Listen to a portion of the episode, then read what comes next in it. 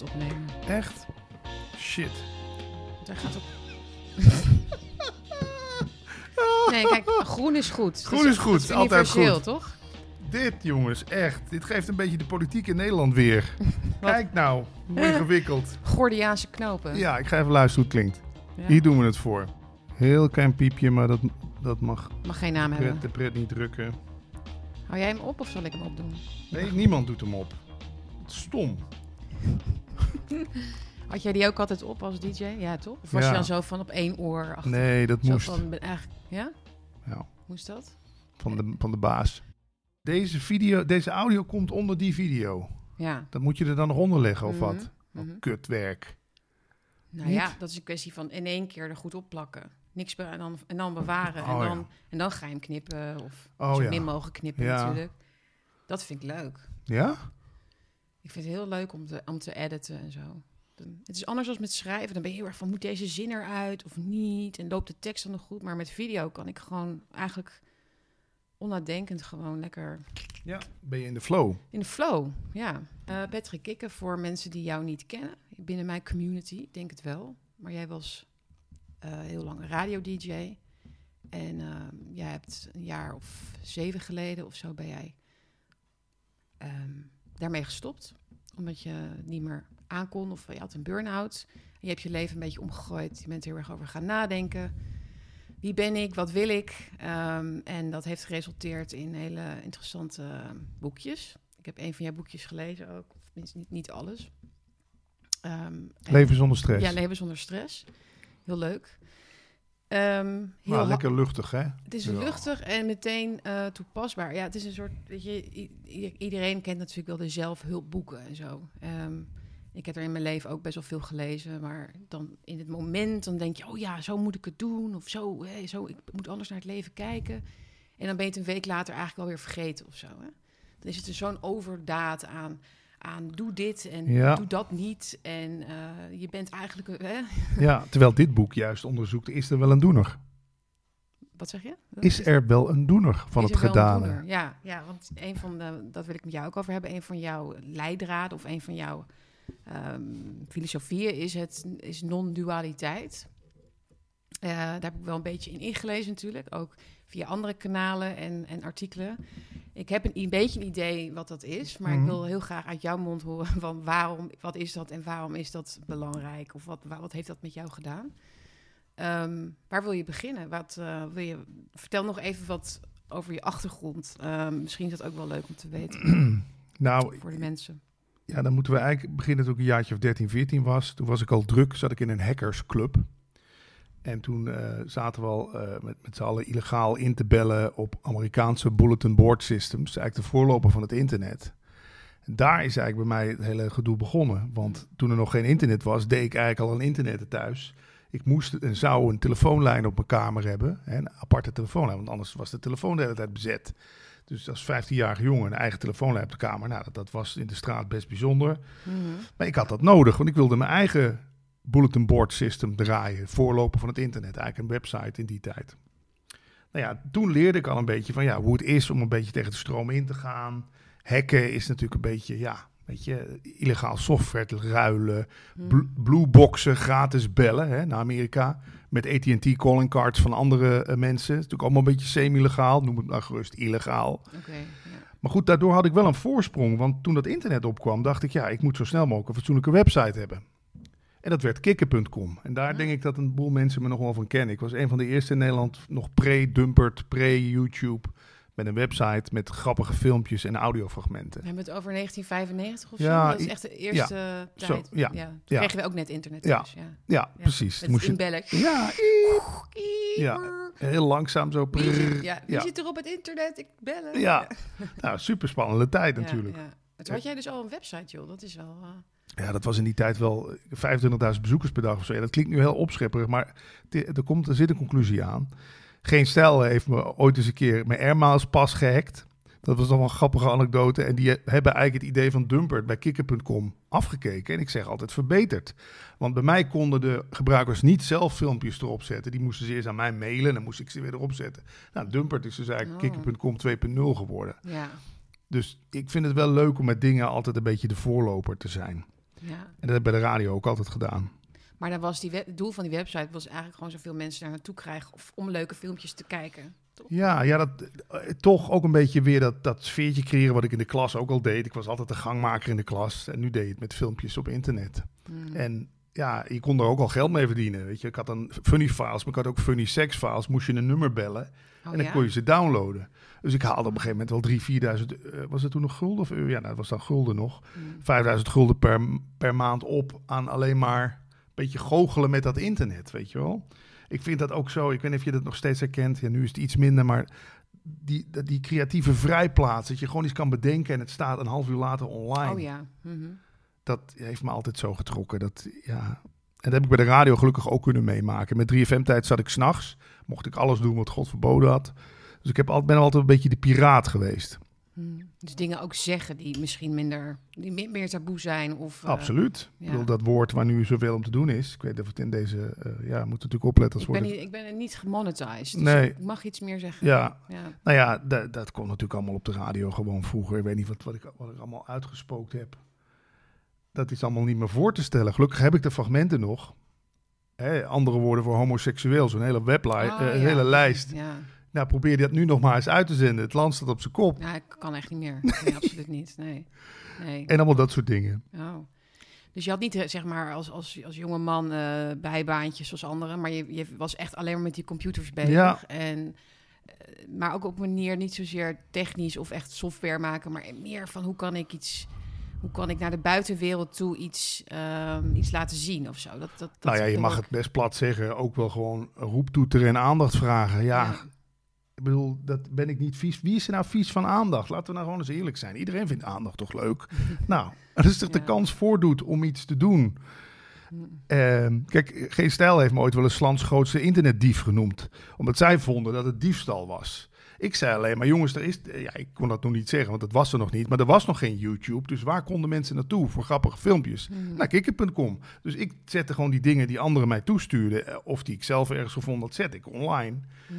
Ja, het moest toch ergens staan? Kreeg je daar nooit problemen mee met mensen? Die zeiden Ja. van, waar, dat is Ja. filmpje. Ik kreeg geen stijl. Die, dat zal natuurlijk, die, dit is ook meer uit concurrentieoverweging. Ja, zijn dat ze dat roepen. Dat ze dat roepen. Ja. Nou, ik heb ooit de advocaat van K3 achter mijn reet aangehad. Omdat ik. Dat was dan nog zo'n simpel plaatje. K3 gefotoshopt met blote borsten, weet je wel. Maar ja, ze wisten toch je adres te achterhalen. En hup, had je weer een brief van advocaten in de bus. Mhm. Maar ga je, toen, toen ging je meer naar het serieuzere werk, zeg maar. Althans, toen werd je, kwam je in dienst van, eh, van, ja, van Veronica en zo. Veronica, ja, Veronica, Ja. later 3FM. Of wat is Ja, andersom. Andersom, Ja. eerst 3FM, de Havermout Show. Ja, Volgens mij is dat ook...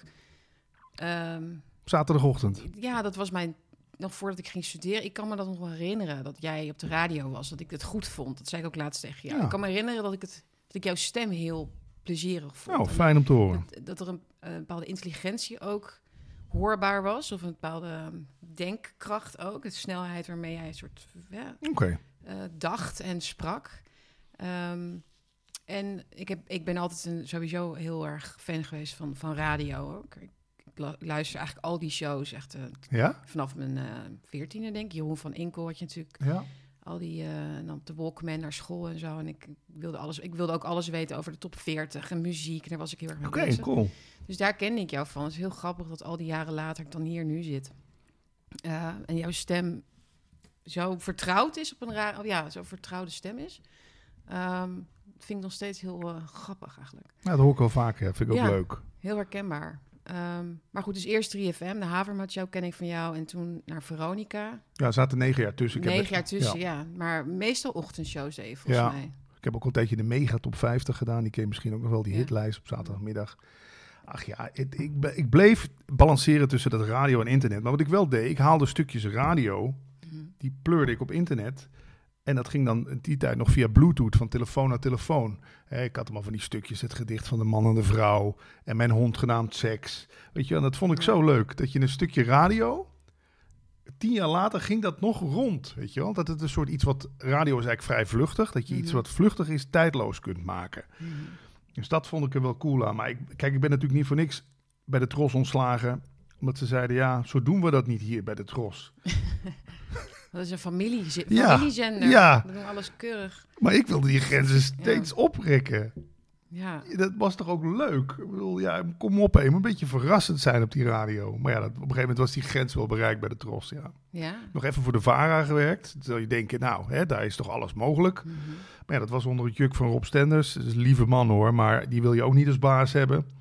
Mhm. En ja, toen naar Veronica. En daar heb ik eigenlijk mijn grootste plezierjaren beleefd. Want die is alles waarvan ze bij de Tros zeiden, doe dat maar niet. Kikker.com, mensen aan de telefoon een beetje afbekken. Was bij Veronica, ja, weet je wel, het is een mannenstation. Ga maar net, zo, ga maar net tot het randje en misschien soms erover. Ja, maar ik heb ook het idee dat, dat de laatste, nou, afgelopen vijf jaar natuurlijk wel een stuk minder. Maar dat, het ook, dat er ook meer mocht hoor, op een gegeven moment. Ja. Na het millennium. Ja, Ik heb het idee dat de maatschappij werd ook groffer. Het werd oh ook- zo ja. ja, Ja, ja. dus, Door eh, Fortuyn, Fortuyn, Van Van Gogh. Ja. eh, je had gewoon nog best wel van die, eh, ja, rebe- rebelse types, laat ik het zo zeggen. Ehm, en zeker ook op de radio vond, vond ik het altijd behoorlijk grof. En daarom luister ik liever radio dan tv. Want dan had je Sonja Barend en dat was allemaal zo braaf, weet je ja. wel. En, ja, dus, eh, nee, dus die tijd heb je eigenlijk wel goed benut dan, denk ik. Want het- Ik- dat kon toen wel. Dus nu, nu natuurlijk is het Ja. allemaal wat preutser weer geworden en moeilijker. Ik zou nu geen radio meer kunnen maken Nee. op die manier. Ik doe het nog wel een paar uurtjes in de week, maar gewoon op mijn manier. Mhm. Eh, Maar het, eh, bij Wild FM, nou, daar kan nog het een en ander. Maar ja, ik, ik moet wel denken aan Paul de Leeuw. Die was in de jaren negentig, vond ik ook wel baanbrekend. Hè? Keek je dat ook, de schreeuw van de Leeuw? Mhm. Ja, mocht eigenlijk niet van mijn ouders. Ja? Ja. Vonden ze dat te? Nee, dat vonden ze echt eh, te grof. En Henny Huisman mocht ook niet. En eh, die vonden ze ook maar, eh, maar iets te handtastelijk Ja, met die kindjes bij de mini-playback show en zo. Hey, Gert Verdemmen, zit je nou weer die man te kijken en Die zo. man. En Theo Ja. en Thea snapten ze ook niet. En nee, wij keken gewoon braaf Flying Doctors en zo. Ja, ja, ja. En Dynasty, Dallas? Nee, dat is echt, dat is echt voor mijn tijd, Hmm. volgens mij. Want jij bent Dat is echt van mijn moeder. Kijk. van 78. 78, ja, ja. precies. Net vier jaar het verschil. Maar Ja. ik, ik weet, die- ik weet die, de me- als we het nou over de, de mediawereld hebben, dus wat, wat, wat, je, wat er aan aanbod was, zeg maar, was op de tv gewoon, vond ik het erg braaf. Ja. En, ehm, Maar ja. toen kwam Bart de Graaf bijvoorbeeld Ja. ook. En Jensen, laten we eerlijk zijn. Jensen, er wordt natuurlijk wel slagwekkend over gedaan wat hij nu... eh, Alhoewel ik vind wat hij doet, vind ik nog steeds slim. Maar Jensen in zijn hoogtijjaren op de radio... er gaan nu nog steeds onder discjockeys hmm. fragmenten rond uit die tijd. Weet je, dan had hij, had hij Tiete Piet in de studio... en dan had hij weer iemand die Bassie nadeed... die de meest verschrikkelijke, verschrikkelijke dingen zei... Het is echt, wat dat betreft vind ik echt Jensen... Ja, als het nu een station zou opstaan, een beetje een rechtsradiostation... Hmm. Ja, zet Jensen daarop. Met man. humor. Ja. Want hadden we het voordat we begonnen even over. Dat er te weinig humor is eigenlijk binnen de rechtse, als je het dan Ja. rechts mag noemen, maar binnen de rechtse alternatieve Ja. mediawereld. hè. We hebben Ongehoord Nederland, maar je hebt natuurlijk al die, al die andere kanalen ook op YouTube. Ja, gewoon iets zo inderdaad die, die, die eh grofgebektheid of een beetje dat, die, die- Ja. ja. gewoon humor ook natuurlijk. Hoe komt dat, dat dat er niet is? Of weinig? Maar ja, ehm, Nou, het wordt van... het, heeft een, het heeft een prijs. Hè? Het- ik denk dat mensen liever dan toch voor het, meer het activisme kiezen... als ze toch al buiten, buiten de, de, de, het, de norm staan... of buiten de politiek correcte hè, Ja, regels... Dat, dat je dan sneller mensen aantreft die gewoon echt heel serieus eh, de wereld aan het redden zijn. Bij Ja. wijze van, van de macht. En van, Ja.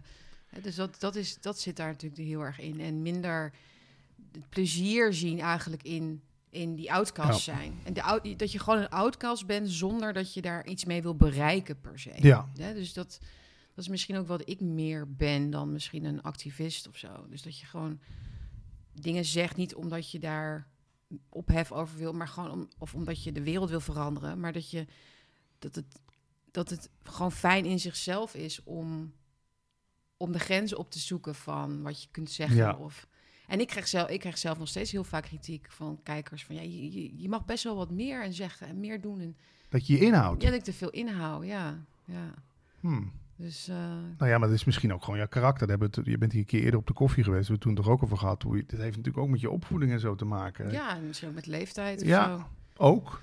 Dat merk ik wel. Ik ben niet meer... eh, kijk, Reisa en, en eh, Blommestein en Even Vlaardingen bijvoorbeeld... die, die, die, ja, Ja. die, bam, die gooien het er Ja. allemaal uit. Eh, die, die zijn een stuk jonger. En ik denk misschien dat als je wat ouder wordt... dat je denkt, ja, jeetje, moet ik dat allemaal nog...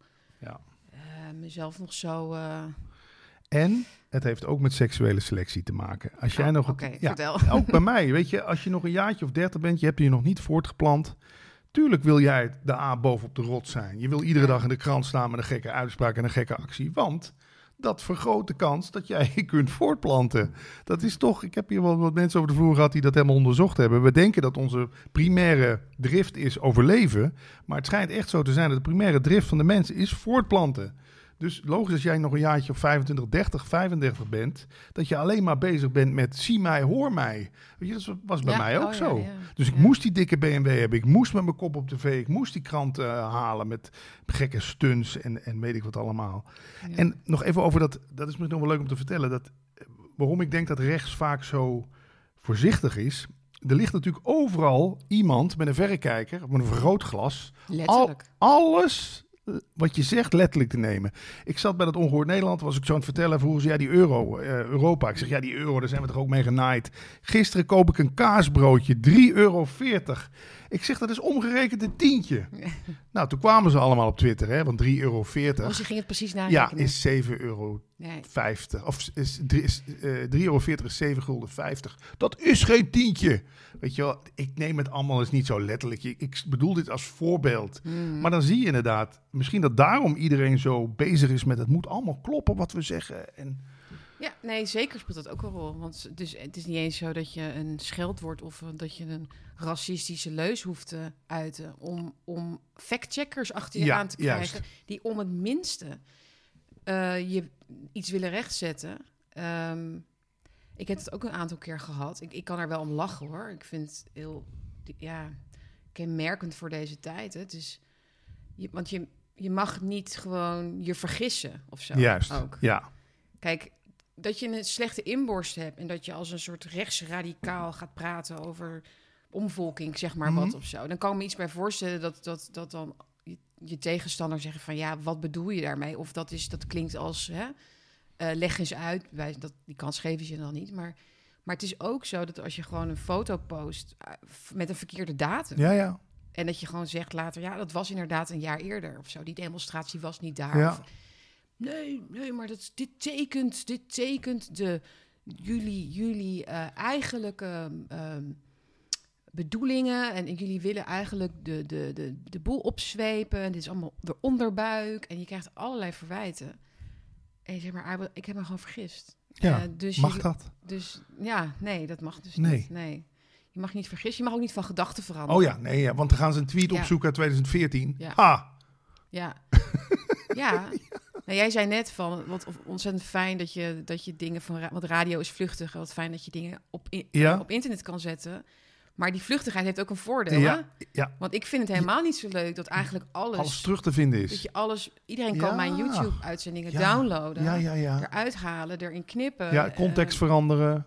context veranderen. En nu zal dat niet leiden tot, tot eh, Kafkaeske vervolging misschien. Maar ik denk wel eens over vijf jaar is misschien wat ik allemaal zeg eh, wel eh, genoeg om, eh, om op politiebureau te Ja. worden uitgenodigd. Dat, dat denk ik wel eens over na. Zou je dat eng vinden?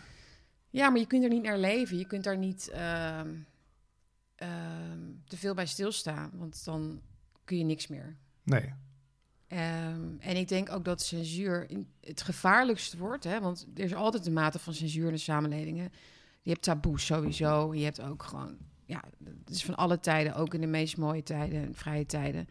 Maar wat we nu gaan krijgen is dat de censuur zich naar binnen gaat keren. Dus dat mensen ook zo, zich zo zelfbewust worden... Ja. Ehm, dat ze zelfs niet meer vanzelfsprekendheden hardop durven te zeggen. Dus eh, bijvoorbeeld dat je heel erg met die gender eh, dingen en zo. Van oké, dit is, dit is een, eh, een transgender of een drag queen of zo. En mijn kinderen zeggen dan gewoon, want er hangen nu van die posters in Enkhuizen. Er komt binnenkort bij ons zo'n drag show. Er zit niemand op te wachten. En mijn, mijn jongste zoon zegt, dat is een meneer, weet je wel. Inderdaad. maar ehm, als je in, in, de, in de discussie zit op een bepaald niveau met, met eh, als journalist of wat dan ook, als je dat al niet voorzichtiger brengt of zo, hè, van nou ja, ze voelen zich anders, Mm. dan, ja, dan ben je al een, een transfoob. Ja. Ehm, Hup, in het hokje. dus kun je nog zeggen dat is een man, dat is een vrouw. Maar dat is een voorbeeld. Maar dat, dat, dat gaat nog verder dan dat, denk ik. Uiteindelijk wordt het ook. ehm, ja, dat mensen zichzelf steeds meer beperkingen opleggen. Ja.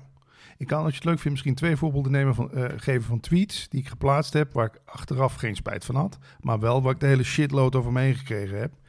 2017 was die hele discussie van Sylvana, hè, met dat film, dat had iemand een filmpje of een foto gemaakt waarbij Sylvana aan een boom hing. Kun je dat Oh, nog ja, herinneren? Ja, ja, zeker. Toen lag ik in bed, zo'n beetje te mijmeren, dat doe ik graag, een beetje zo mezelf nadenken. En toen ineens verstuurde ik de tweet, wat nou als Sylvana en haar companen dat filmpje of die foto zelf gepost hebben? Hè? Om, om, om discussie uit te lokken. Mhm. De racismekaart, De Volksvlek. ja, Ja. ja. racismekaart eh, wordt natuurlijk eh, graag getrokken. Dus iets in die trant. De tweet was iets anders. Nou, de shitload de dag daarna. Die tweet kwam zelfs bij Pauw in beeld. Maar goed, Ja. in het lelijke zit het mooie opgesloten. Ik werd gebeld door Hero Brinkman. Zegt die naam je nog wel? Ja, ja, zeker. Ja, Ja. die zocht nog iemand voor de ondernemerspartij. Dus door die tweet heb ik meegedaan aan de Tweede Kamerverkiezingen in 2017. Echt waar? Dat vind ik er dan zo grappig aan. Hoe één klein dingetje op internet. Natuurlijk shitload over je heen. En mensen, boe, wat zeg jij nou weer? Maar ook dat tot een gevolg had. Hmm. Andere tweet die nog wel leuk is om te vertellen. Ik zat in een Chinees restaurant. Of ik kwam in een Chinees restaurant. En ik kom daar binnen. Die vrouw is helemaal... Ja. Weet je hoe dat dan gaat. Hè? Ik zeg, rustig mevrouw, rustig mevrouw. Ik versta u niet. Kunt u niet wat beter Nederlands leren? Dat zou, dat zou ik prettig vinden. Hmm. Nou, de hele, hele wachtkamer, die keerde zich al tegen me.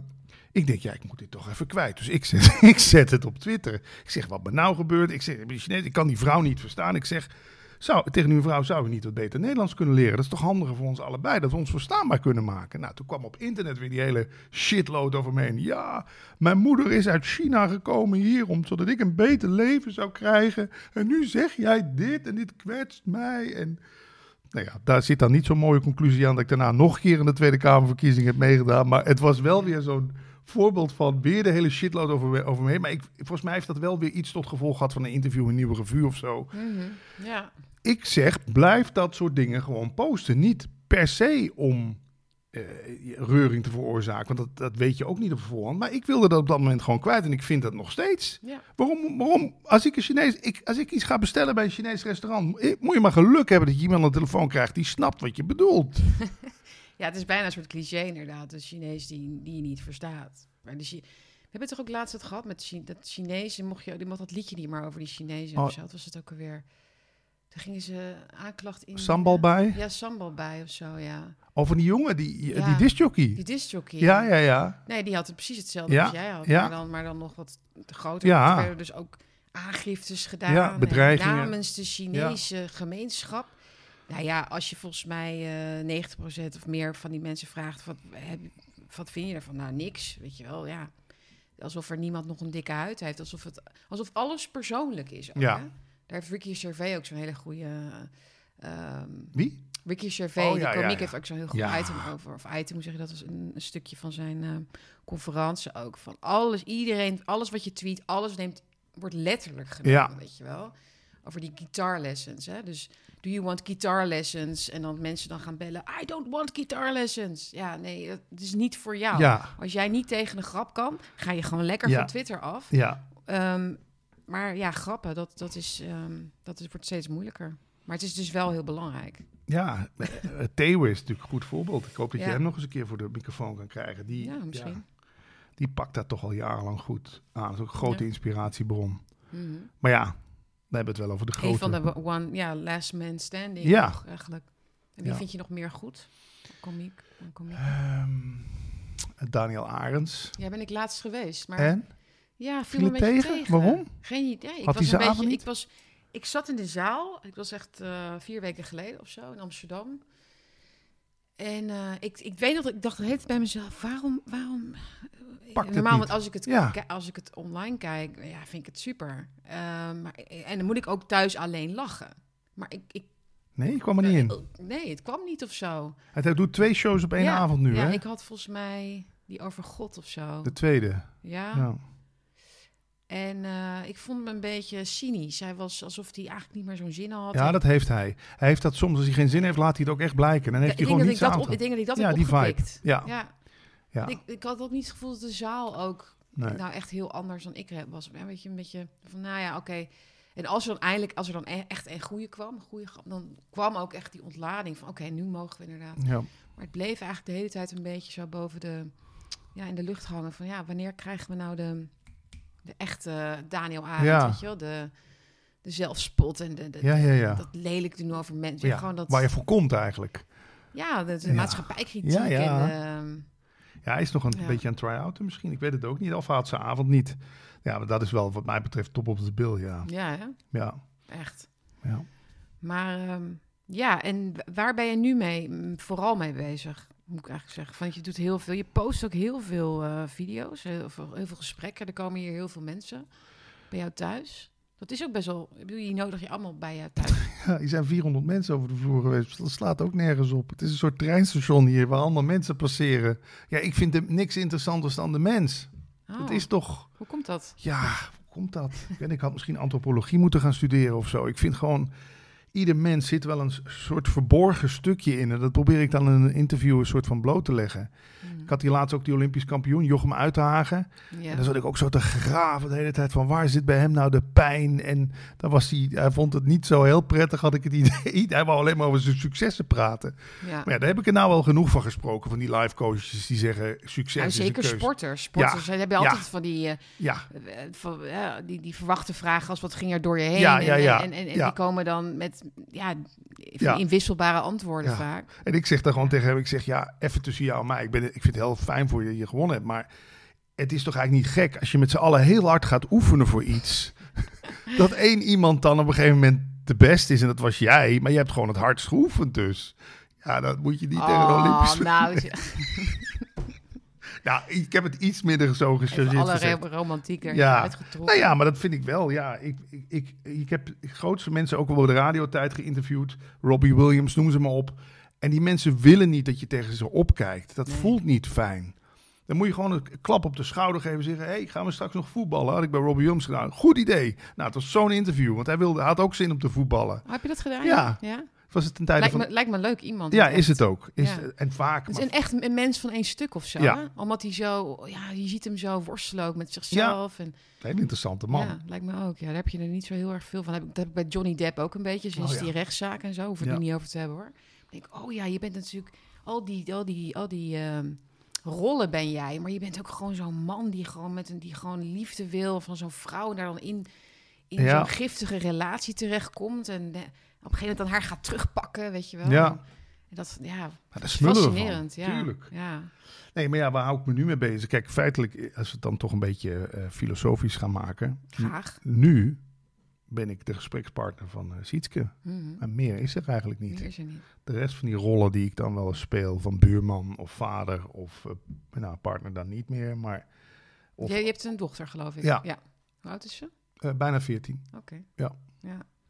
Dus ja, dat, de- daar ben ik nu allemaal niet mee bezig. En daar heb ik, daar heb ik er wel echt ingestort. Je zei het woord zelf net al, non-dualiteit. Eigenlijk al die maskers die we opzetten de hele dag door.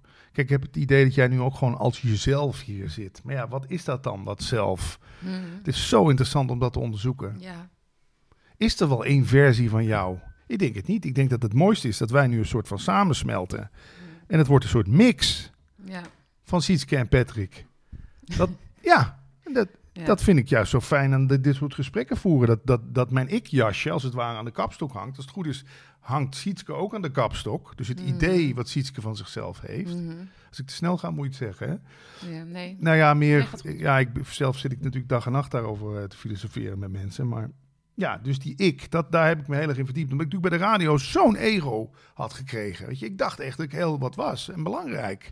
Maar dat, ja, dat, we hebben natuurlijk voordat we hier aan tafel gingen zitten, hebben we elkaar al gesproken een paar keer. En, Voice en- messages. En ik merkte dat jij, dat jij mij ook allerlei dingen al ging vragen en erg geïnteresseerd bent in, in, in hoe ik in elkaar zit. En, al, en, ehm, maar wa- wat, mij, wat ik me wel elke keer afvraag is, waarom kon je dan niet... Want ik snap dat van dat ego wel. Jij zegt het, dus ik geloof je. Maar kon je niet gewoon genieten van dat succes? Jawel.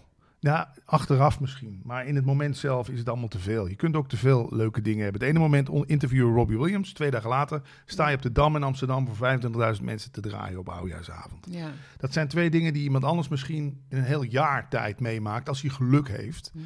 Jij maakt er twee van die in een week mee. Ja, dat is gewoon bijna allemaal niet te verwerken. Dus je kan ook een burn-out van leuke dingen krijgen, ben ik achtergekomen. Ja. Ja. nee, dat geloof ik. Maar g- leuke dingen die misschien dan te ver afstaan van het gewone of normale. Of...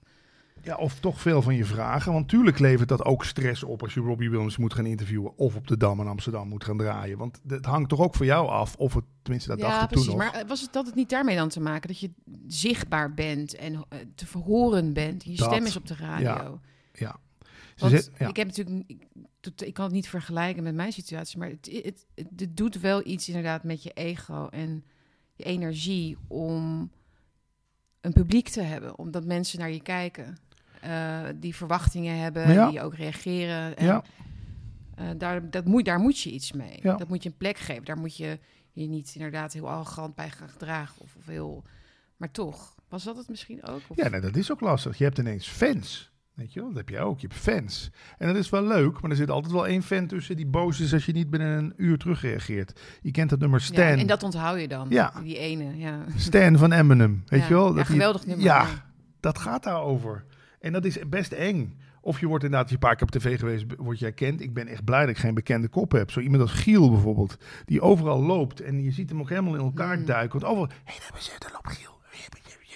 Ja. Weet je, dat is niet gezond voor de mens. Echt niet. Daarom worden die artiesten ook allemaal niet oud. Daarom, weet je, je ziet nu zo'n André Hazes junior, zie je al helemaal de vernieling ingaan op zijn 25ste. Dat is niet gezond voor een mens, echt niet. En we Mm. denken dat het allemaal zo leuk is, zoveel volgers en fans. Maar Nee, nee, dit is wel iets wat eh, min of meer breder bekend wordt nu. Dat bekendheid gewoon echt, echt niet leuk is. Nee. En Echt ziekmakend. Want het, doet iets met die stofjes in je hoofd ook. Heb je dat niet? Dan ben je een keer op tv geweest. Heb je allemaal lekkere stofjes in je hoofd. Allemaal dopamine, hè?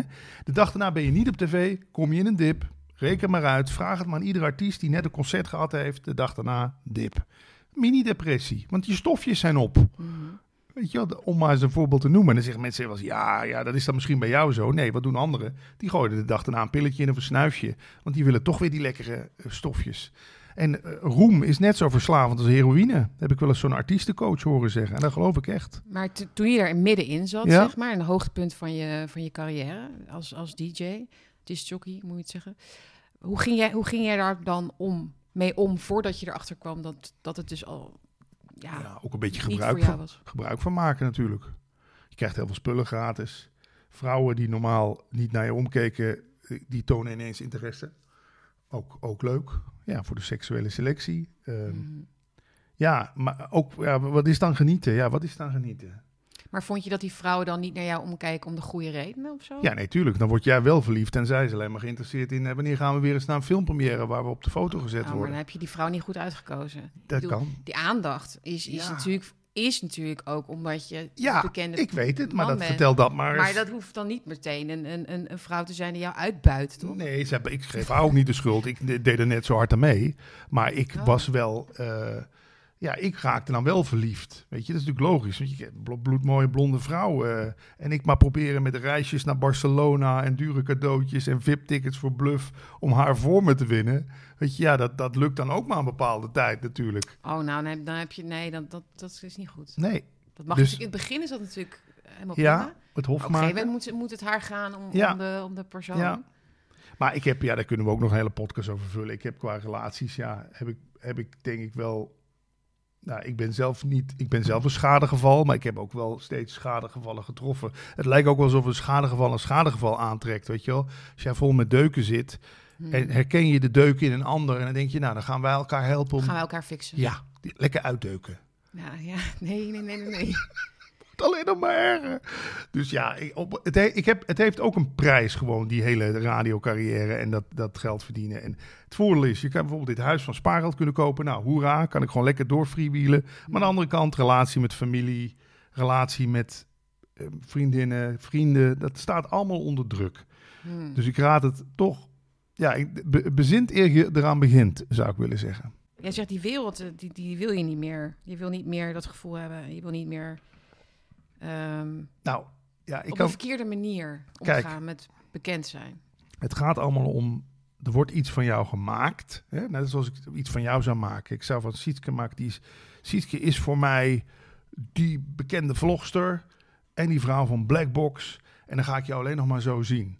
Dat is toch super beknellend. Er zit toch veel meer achter jou. Je bent ook nog een moeder. Je, hebt, je leest Mm. boeken. Weet ik wat je allemaal nog meer doet. Je, voor Ja. mij wat je schildert. En dat voelt zo eenzijdig als mensen je dan op een gegeven moment alleen nog maar op die manier willen kennen.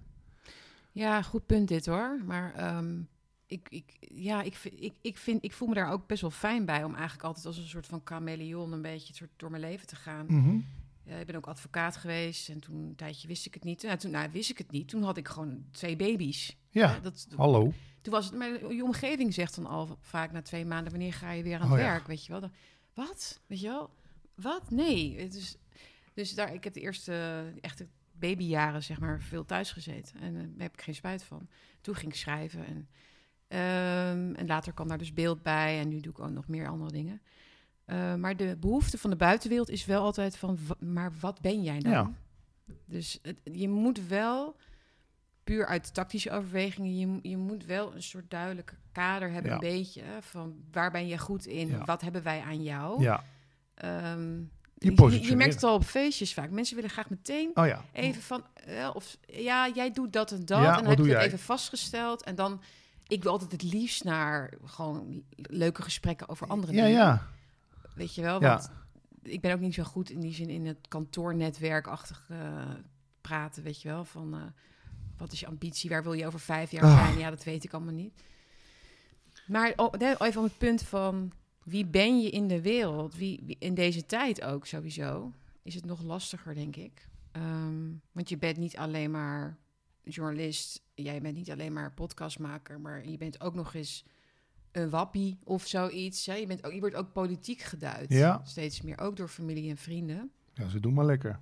Wat Ja. zegt dat over mij? Niks natuurlijk. Kijk, ja, ik, ik, dat probeer ik. Daarom ben ik ook het liefst aan het interviewen. Dan ligt mijn aandacht daar, bij jou, weet je wel. Ik- eigenlijk zijn wij allemaal veel te veel met onszelf bezig, toch? Laten we, door die stomme, of ik zeg stomme social media, maar ja, ik heb er toch ook veel voordeel van. Ja. De hele tijd inderdaad maar jezelf etaleren. Het is toch verschrikkelijk eigenlijk. Alsof je vroeger met fotoboeken langs de deur ging. Gewoon. Of als je iemand binnenkomt, kom, we gaan mijn fotoboeken kijken. Ja, na de vakantie was al erg genoeg. Oh ja, dat deden mensen vroeger. Oh, dia-shows. Maar dan echt 500 of zo. Ja, En dan dacht ik, ja, nee, oh nee, daar, heb ik, ook- daar hou ik niet van. Andermans vakantiefoto's. hoe komen we op dit onderwerp? Geen idee. Maar goed, dat vonden wij stom. Maar we Ja. zitten wel de hele dag op Instagram. Ik, eh, ski eh, Ja. van mensen die ik helemaal niet ken. En je zit toch te kijken, want dat muziekje erachter is wel Ja, lekker. ja. Scroll je door, actrice zegt dit. Eh, oh, maar Instagram, dat, dat is, als je het dan hebt over, over eh, dopamine, die, Ja, ja. meteen weer weg Ja, is, ja. zeg maar. Dat is dat. Twitter Ja. is voor mij wel nog brein. Juist. Dat Ja, is me echt mijn ja, drug of ja, choice, ja. weet je wel. Omdat ik dan... Ik dacht op een gegeven moment, toen ik een hoogtepunt van mijn Twitter-verslaving... ja, of vier jaar geleden, dat ik ook in tweets ging denken, weet je wel. Echt? In Dat ik op- 140 Ja, zat tekens? ik echt op de fiets van... Dat, dat, wil- daar wil ik iets over zeggen, maar dan kun je dus... Ja, ja, ja. Weet je wel? Ja, maar je was Ja, dit heb ik nu niet meer. hoor. Nee, maar je was succesvol erin, dus je kreeg er lekkere stofjes van. Ja. Nou, dan begin maar niet aan TikTok, want dat is nog verslavender. Want dat algoritme van TikTok, dat weet precies wat jij leuk vindt om naar te kijken. Dus Maar versnal, ver- ver- versmalt dat ook steeds meer, dat algoritme dan? dat lijkt me wel. Want dat is toch, daar heb jij verstand van, denk van hoe werkt dat dan met internet en data en, en ver- verkopen van jouw gegevens. In, in feite is dat het, gewoon Ja. op jouw basis van Ja. je keuzes. Maar als je steeds, als ze steeds beter weten wat je leuk vindt, dan krijg je steeds minder minder te zien, waardoor je steeds minder minder Ja. kan kiezen. Ja, Waardoor je straks alleen maar voetbalfilmpjes ziet en, en blote wijven, zeg maar. ja en dat geval. wordt jouw bubbel. Dan- Ja, ja, vind je, denk je dat ik veel blote wijven kijk? Ja, ik doe even heel eh gewoon was- stereotyp, maar... Dat was ooit. Ook dat doet me niet veel meer. Nee, ik denk wel dat ik gewoon een dopamine-junkie ben geweest. Dat mijn dopamine-huishouding niet meer zo in orde is. En dat is door allerlei oorzaken. Door wat bekendheid, door internet. Ik moet heel erg op... Ik kijk 500 documentaires per jaar. Dat is dan zeg maar mijn verslaving. Maar Mm. daar heb ik nog het idee dat er even rust genomen wordt... Om uit te leggen wat het verhaal is. En soms komt er helemaal geen conclusie. Soms komt er een hele spectaculaire conclusie. Soms is het een Mhm. kut documentaire. Maar ik kijk ze allemaal uit. Nee, maar het verschil met documentaires is dat het je niet meteen iets komt brengen. Ja, ja. Het is niet meteen Bam! een kick. Je krijgt Ja, even een kick van, eh, ja. Injectie met lekkere stofjes. Ja. Ja, dat is echt, eh, ik, ik denk zeker met jonge mannen, jongens, jonge mannen, die ja, jouw heel zoons. veel... Ja, die zijn nog wel echt jong hoor, die zitten niet op TikTok. Nee, maar maak je geen zorgen wat dat de toekomst gaat brengen. Wat, wat, Ja. Zij moeten toch, net als ik als 15-jarige voor het eerst met een meisje hand in hand op een bankje zat. Mhm. Oh ja. Ja, dat was iets fantastisch. Ik kan me dat nog precies van A tot Z herinneren. Ja. Toen had ik nog helemaal geen seksfilm gezien of wat dan ook. Ja, misschien een keer. Oh nee, dat was club. nee, maar die gevoelens. Ja, Ja. nee, ik weet het ook nog wel. Dat, dat was gigantisch. Ja, ik brieven was er 14, schrijven. 15 of zo, die eerste seizoen. En dat je dan Ja. Naar de bioscoop werd gevraagd. Ja, Ik kreeg een keer een roos van een jongen op school. En, oh, ik was echt helemaal... Dat, eigenlijk is dat gevoel nooit meer... Dat- ook niet latere Nee, verliefdheden nee, nooit meer zo nee, intens ik weet geweest. het. Heb je dat ook? Ja, absoluut. Dat, is, dat was fantastisch. En brieven schrijven in de klas naar elkaar. En dan spuiten zij er zo een beetje geurtje op of zo. Ja. Mhm. Nou goed, misschien zitten we nou als een paar oude Ja, maar zie je, dus jij had wel eh, vrouwelijke aandacht voordat je... Tuurlijk. Ja. Nee, maar niet. Ja, brief met parfum. Ja, ja. Maar ja. Omdat je de gangmaker was, omdat je... Ja, dat denk ik. ja. Of, of dat ik ook, ik was op de lagere school altijd de slimste van de, of de beste van de klas. Kun je zeggen, ja, waarom zeg je dat nou weer? Nou, dat heeft mij later wel ook weer ingehaald. Want ik had dus geleerd, je hoeft eigenlijk nooit moeite te doen. Je bent toch overal de beste in. Hmm. Je krijgt toch overal een 10, weet je wel. Eh, Hadden ze mij een paar klassen hoger gezet toen, dat ik een beetje moeite moest doen om die 10 te halen. Nou, je kent het misschien. Ik, dat hele Ja. schoolsysteem scheidt toch uit, man. Nee, dat, eh, ik herken er wel iets daarvan. Ja. En op een gegeven moment dan kom je op VWO, tenminste in mijn geval. Ja. En toen gingen mijn cijfers allemaal omlaag. Ja, bij mij ook. Vanaf 3 VWO, brr, want ik moest ineens huiswerk gaan maken. Wat is dat huiswerk ja, als nee, ik thuis nee, kom? ja, het ging bij mij ook mis eh, bij wiskunde B op een gegeven moment. Dat, eh, ik, nu moet ik gaan leren, want dit snap ik niet zelf. Zo, dit zijn allemaal tekentjes die ik nog niet ken. En, ja, Ja. Dus, eh, maar goed, grappig. Ik kom later mijn wiskundeleraar nog tegen, jaren later. En toen ik dacht ik, oh god, daar zit hij. En ik had echt een vier of zo. Dat was zo aardig. Weet je wel, en ik deed, ja, ik, deed gewoon niks. Maar zei hij, oh, maar ik heb altijd wel geweten dat het wel goed zou komen. Ja? Je wel. Ja, dus het, maar op dat moment denk je echt, oh nee, nu gaat alles, nu gaat alles mis, nu gaat alles. Ik ga niet, kan niet studeren nu. En uh, maar goed, Ja. helemaal goed gekomen. Maar ehm, non-dualiteit, laten we even naar, want we gingen er net al een beetje Oh, leuk. Ja, dan breng me de beker daar heb jij. ehm, ja, dat, dat heeft dan te maken met het leven zonder stress eigenlijk. Mhm. Hè? Want dat- jij was eigenlijk in een soort. Ja, jij- het was voor jou nood, bittere noodzaak Ja, eigenlijk. Hè, in Ik moest iets vinden. 2015. Ja. Ehm, jij wist dat je niet verder kon. Je wist niet precies wel waar het aan lag. Je dacht eigenlijk nog van ik, kan, ik kom wel weer terug eh, in die radiowereld. Maar je was er gewoon even uit. Je, je was opgebrand letterlijk. En toen ben je heel veel eh, ja, boeken gelezen. Eckhart Tolle. eh, hè, dus, dus een beetje de zingeving, zeg maar. ja, En toen ben je al gestuurd op, op dat idee van die non-dualiteit. En dat was een soort ultieme eye-opener of zo. Hoe een soort dat zien? blikseminslag. Ja, ik hou nogmaals, ik heb niet voor niks in mijn Twitter-bio staan waar iedereen A zegt, onderzoek ik B. En jij dan waarschijnlijk C. En heb je nog mensen die D onderzoeken. Maar voor mij was dat non-dualiteit, daar wordt gewoon gezegd, 180 graden anders dan wat ons verteld wordt. Jij verschijnt niet in de wereld, de wereld verschijnt in jou. En als iemand dat tegen mij zegt, denk ik, hé, wat zeg jij nou? Ja, ja, de wereld verschijnt in jou. Ik zeg, hoe bedoel je dat dan? Ik ben toch gewoon dit poppetje? Nee, je bent datgene wat een wereld mogelijk maakt. De wereld verschijnt nu in jou als één plaatje. Met een sheetsje, met een microfoon, met een laptop. En jij bent dat bewustzijn wat die, wat die wereld mogelijk maakt. Dus een soort leeg canvasdoek waar de wereld op geschilderd kan worden. En ja, dat weet ik, dat raakte me op de een of andere manier. En dan kom je uit bij thema's als vrije wil. Oké, als ik dus dit poppetje niet sec ben, maar ik ben eigenlijk het geheel. Hoe zit dat dan met vrije wil? Hmm. En dan wordt Nou, hoe zit het met vrijwillig? ja, nou, er wordt gezegd, dit is gewoon een soort droom die zich afspeelt. De, wereld is gewoon, net als jij vannacht ligt te dromen dat je Napoleon bent in mijn geval, of in jouw geval eh, eh, Marilyn Monroe. Droom ik nu dat ik Patrick ben. En, en vindt dit allemaal automatisch plaats. Weet ik ook niet wat er over vijf seconden gezegd gaat worden. En op de een of andere manier maakte dat iets los in mij. Je moet dat ook niet opeens gaan geloven. Dan ga je dus ineens geloven dat jij de wereld bent. Of geloven dat je niemand Nou, het is een perceptie, dus ik de manier van naar de wereld Van kijken. Ja. En dat heeft mij gewoon heel veel rust gebracht. Want dan kan je dat persoonlijke eens uit het verhaal halen, weet je wel. Mijn vriend Paul Smit, waarmee ik al 13 jaar de podcast Filosofie met Mayonaise doe, die zegt altijd uitzoomen. Dus je, je zoomt even uit van de situatie. Oké, ik rij mijn auto in de prak. Dan kan ik heel erg gaan denken van, oh, mijn auto, en hoe moet dat nou met mijn verzekering? Als je iets uitzoomt, bekommer je je ook automatisch om degene die je aangereden hebt. Nou, is dat niet al winst? dat je gaat schreeuwen. Ja. Ja.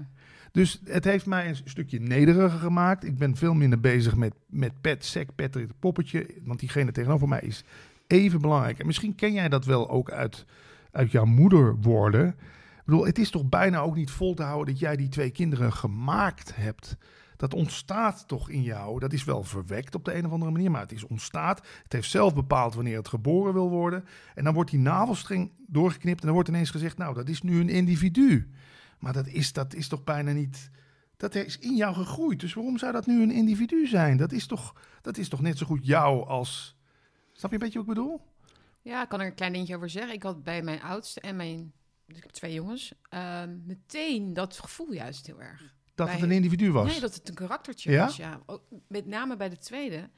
Omdat toen dacht ik, oh, dit is, dit is een heel ander kind. Oh, zo, ja. heel ja, ja. ander ehm, aura of Ja. zo. Ik weet niet hoe je het moet... Maar dat, dat verbaasde mij zo. Dus dat, dus dat het natuurlijk gewoon een babytje is. En je kijkt natuurlijk, nou ja, het neusje van papa en het haartjes en zo. Oh ja, dat, hè, dat ziet er, oh ja, het ziet allemaal op, alles zit eraan.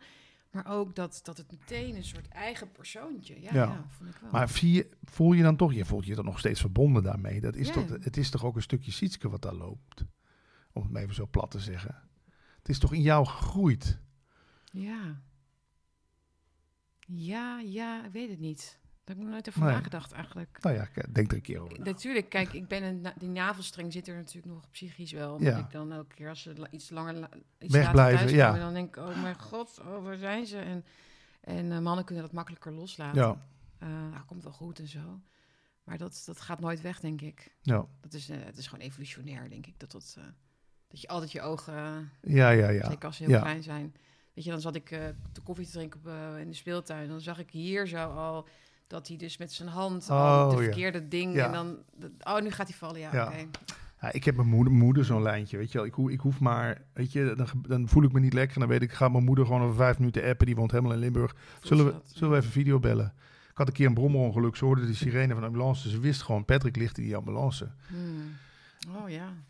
En dan wordt natuurlijk in spiritualiteit altijd wel heel zo cheesy gedaan. Het is allemaal één en zo, weet je wel. Maar dat zegt non-dualiteit niet. Het is allemaal één. Want als het allemaal één zou zijn, zou er ook nog iets anders moeten zijn wat niet één is. Dus daarom is het ook een ontkenning. Non-dualiteit. De ontkenning van dualiteit.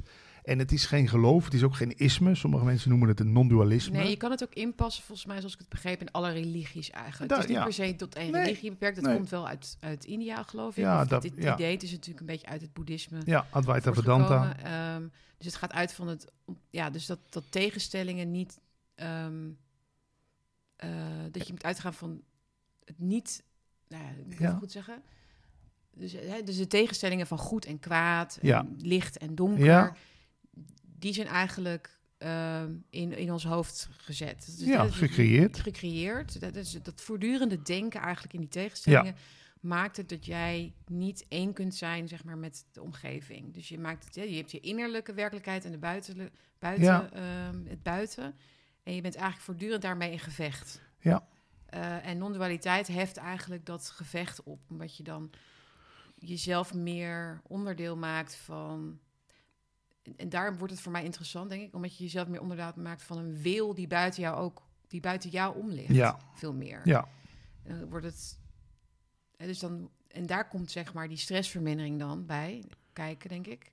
Dus als jij jezelf meer ziet als een ja, onderdeel van een groter iets... ja, ja, waarom zou je inderdaad dan druk maken om eh, of, of Rusland een kernbom gaat gooien of eh, wat dan ook, of, of, of Ja. crisis of corona of eh, überhaupt eh, je, je toekomst. Ehm, want ja, je hebt maar zoveel invloed eigenlijk. het gaat zoals het gaat. En nu zijn er natuurlijk mensen die zeggen, ja, dat klinkt wel heel nihilistisch. En dan ga je alleen maar Ja, achterover ik ben zitten. het ook niet helemaal mee eens. Nee, maar ik, dan ga je ja, achterover zitten en dan ga je de hele dag niks doen. Maar het gaat juist om die doener, wat ik in het begin al zei. ja. Ben jij de doener van het gedane? Ben jij de denker van je gedachtes? Of gebeuren de dingen gewoon, weet je wel? En dat jij je verzet tegen iets gebeurt ook gewoon. Het gaat natuurlijk om die sturende kracht. Hebben wij werkelijk een ik in ons? Die ervoor, die, hè, koos jij er nou werkelijk voor om nu water te drinken?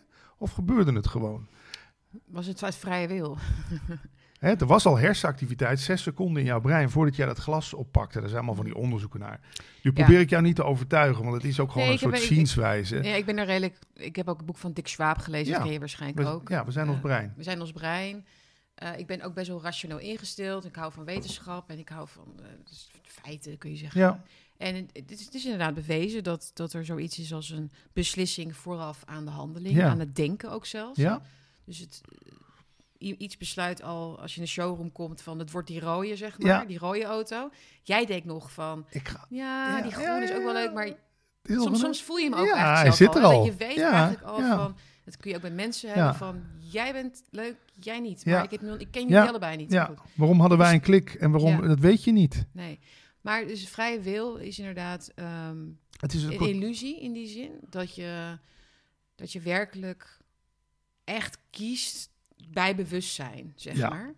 Ja. Ehm, maar ik heb wel moeite met dat er dat vrije wil überhaupt niet bestaat als meer theologisch concept, Mhm. zeg maar. Hè, want als er geen vrije wil is, dan kun je Nee. mensen ook niet tuurlijk. verantwoordelijk houden. Juist. Hè? Dan, dan, kunnen we, dan kunnen we de moordenaar van Anne Faber of, of, of Ja. ehm, Nee, maar, eh, Ted Bundy. En, en dan kunnen we niet verantwoordelijk houden. maar ben je met me eens dat het toch goed zou zijn om eens een beetje naar de voorgeschiedenis te kijken? Weet je, ik was ook de eerste met die hele Voice of Holland rel.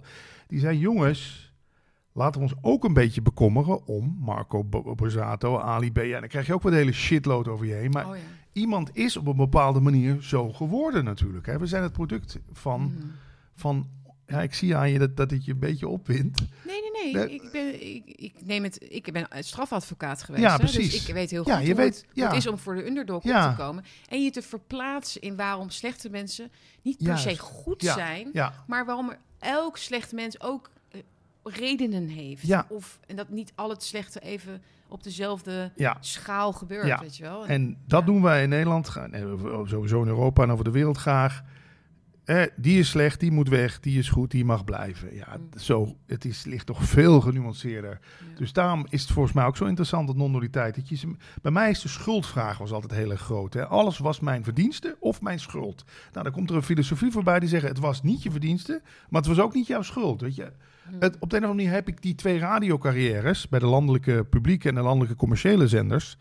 Dat was voor mij ook een lot uit de loterij. Dat heb ik op een bepaalde manier ook cadeau gekregen. Als ik alleen maar ga zitten, dat heb ik zelf voor elkaar gekregen. Hè? Zoals al die succescoaches beweren. Ja, die zijn, dat vind ik gewoon niet eerlijk. Je krijgt in het leven heel veel gewoon cadeau. En dan wil niet zeggen dat je niet je beste voor hebt gedaan, maar dat je het talent hebt om te spreken, heb je op de een of andere manier ook gekregen.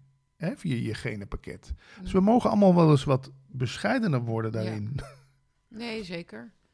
Ehm, ik denk dat vrouwen daar ook veel meer mee zouden moeten, bewuster van zouden moeten zijn. Hè? Dus de, de privileges of, eh, die je hebt als vrouw. En de vrouwen zijn- zijn tegenwoordig heel erg eh, snel van me too en dit en dat. En ze kijken niet naar hun eigen rol. Hè? Ja, Van hoe kleed je je. Ja. eh, maar ook hoeveel voordeel heb je eigenlijk van die verschillen eigenlijk. Ja. Hè? Dat mannen jou eh, aannemen omdat je er mooi uitziet. Of, Ja. eh, en dan kun je wel gaan zeggen, het is allemaal eh, white privilege of een male, male tox, hoe heet het ook weer?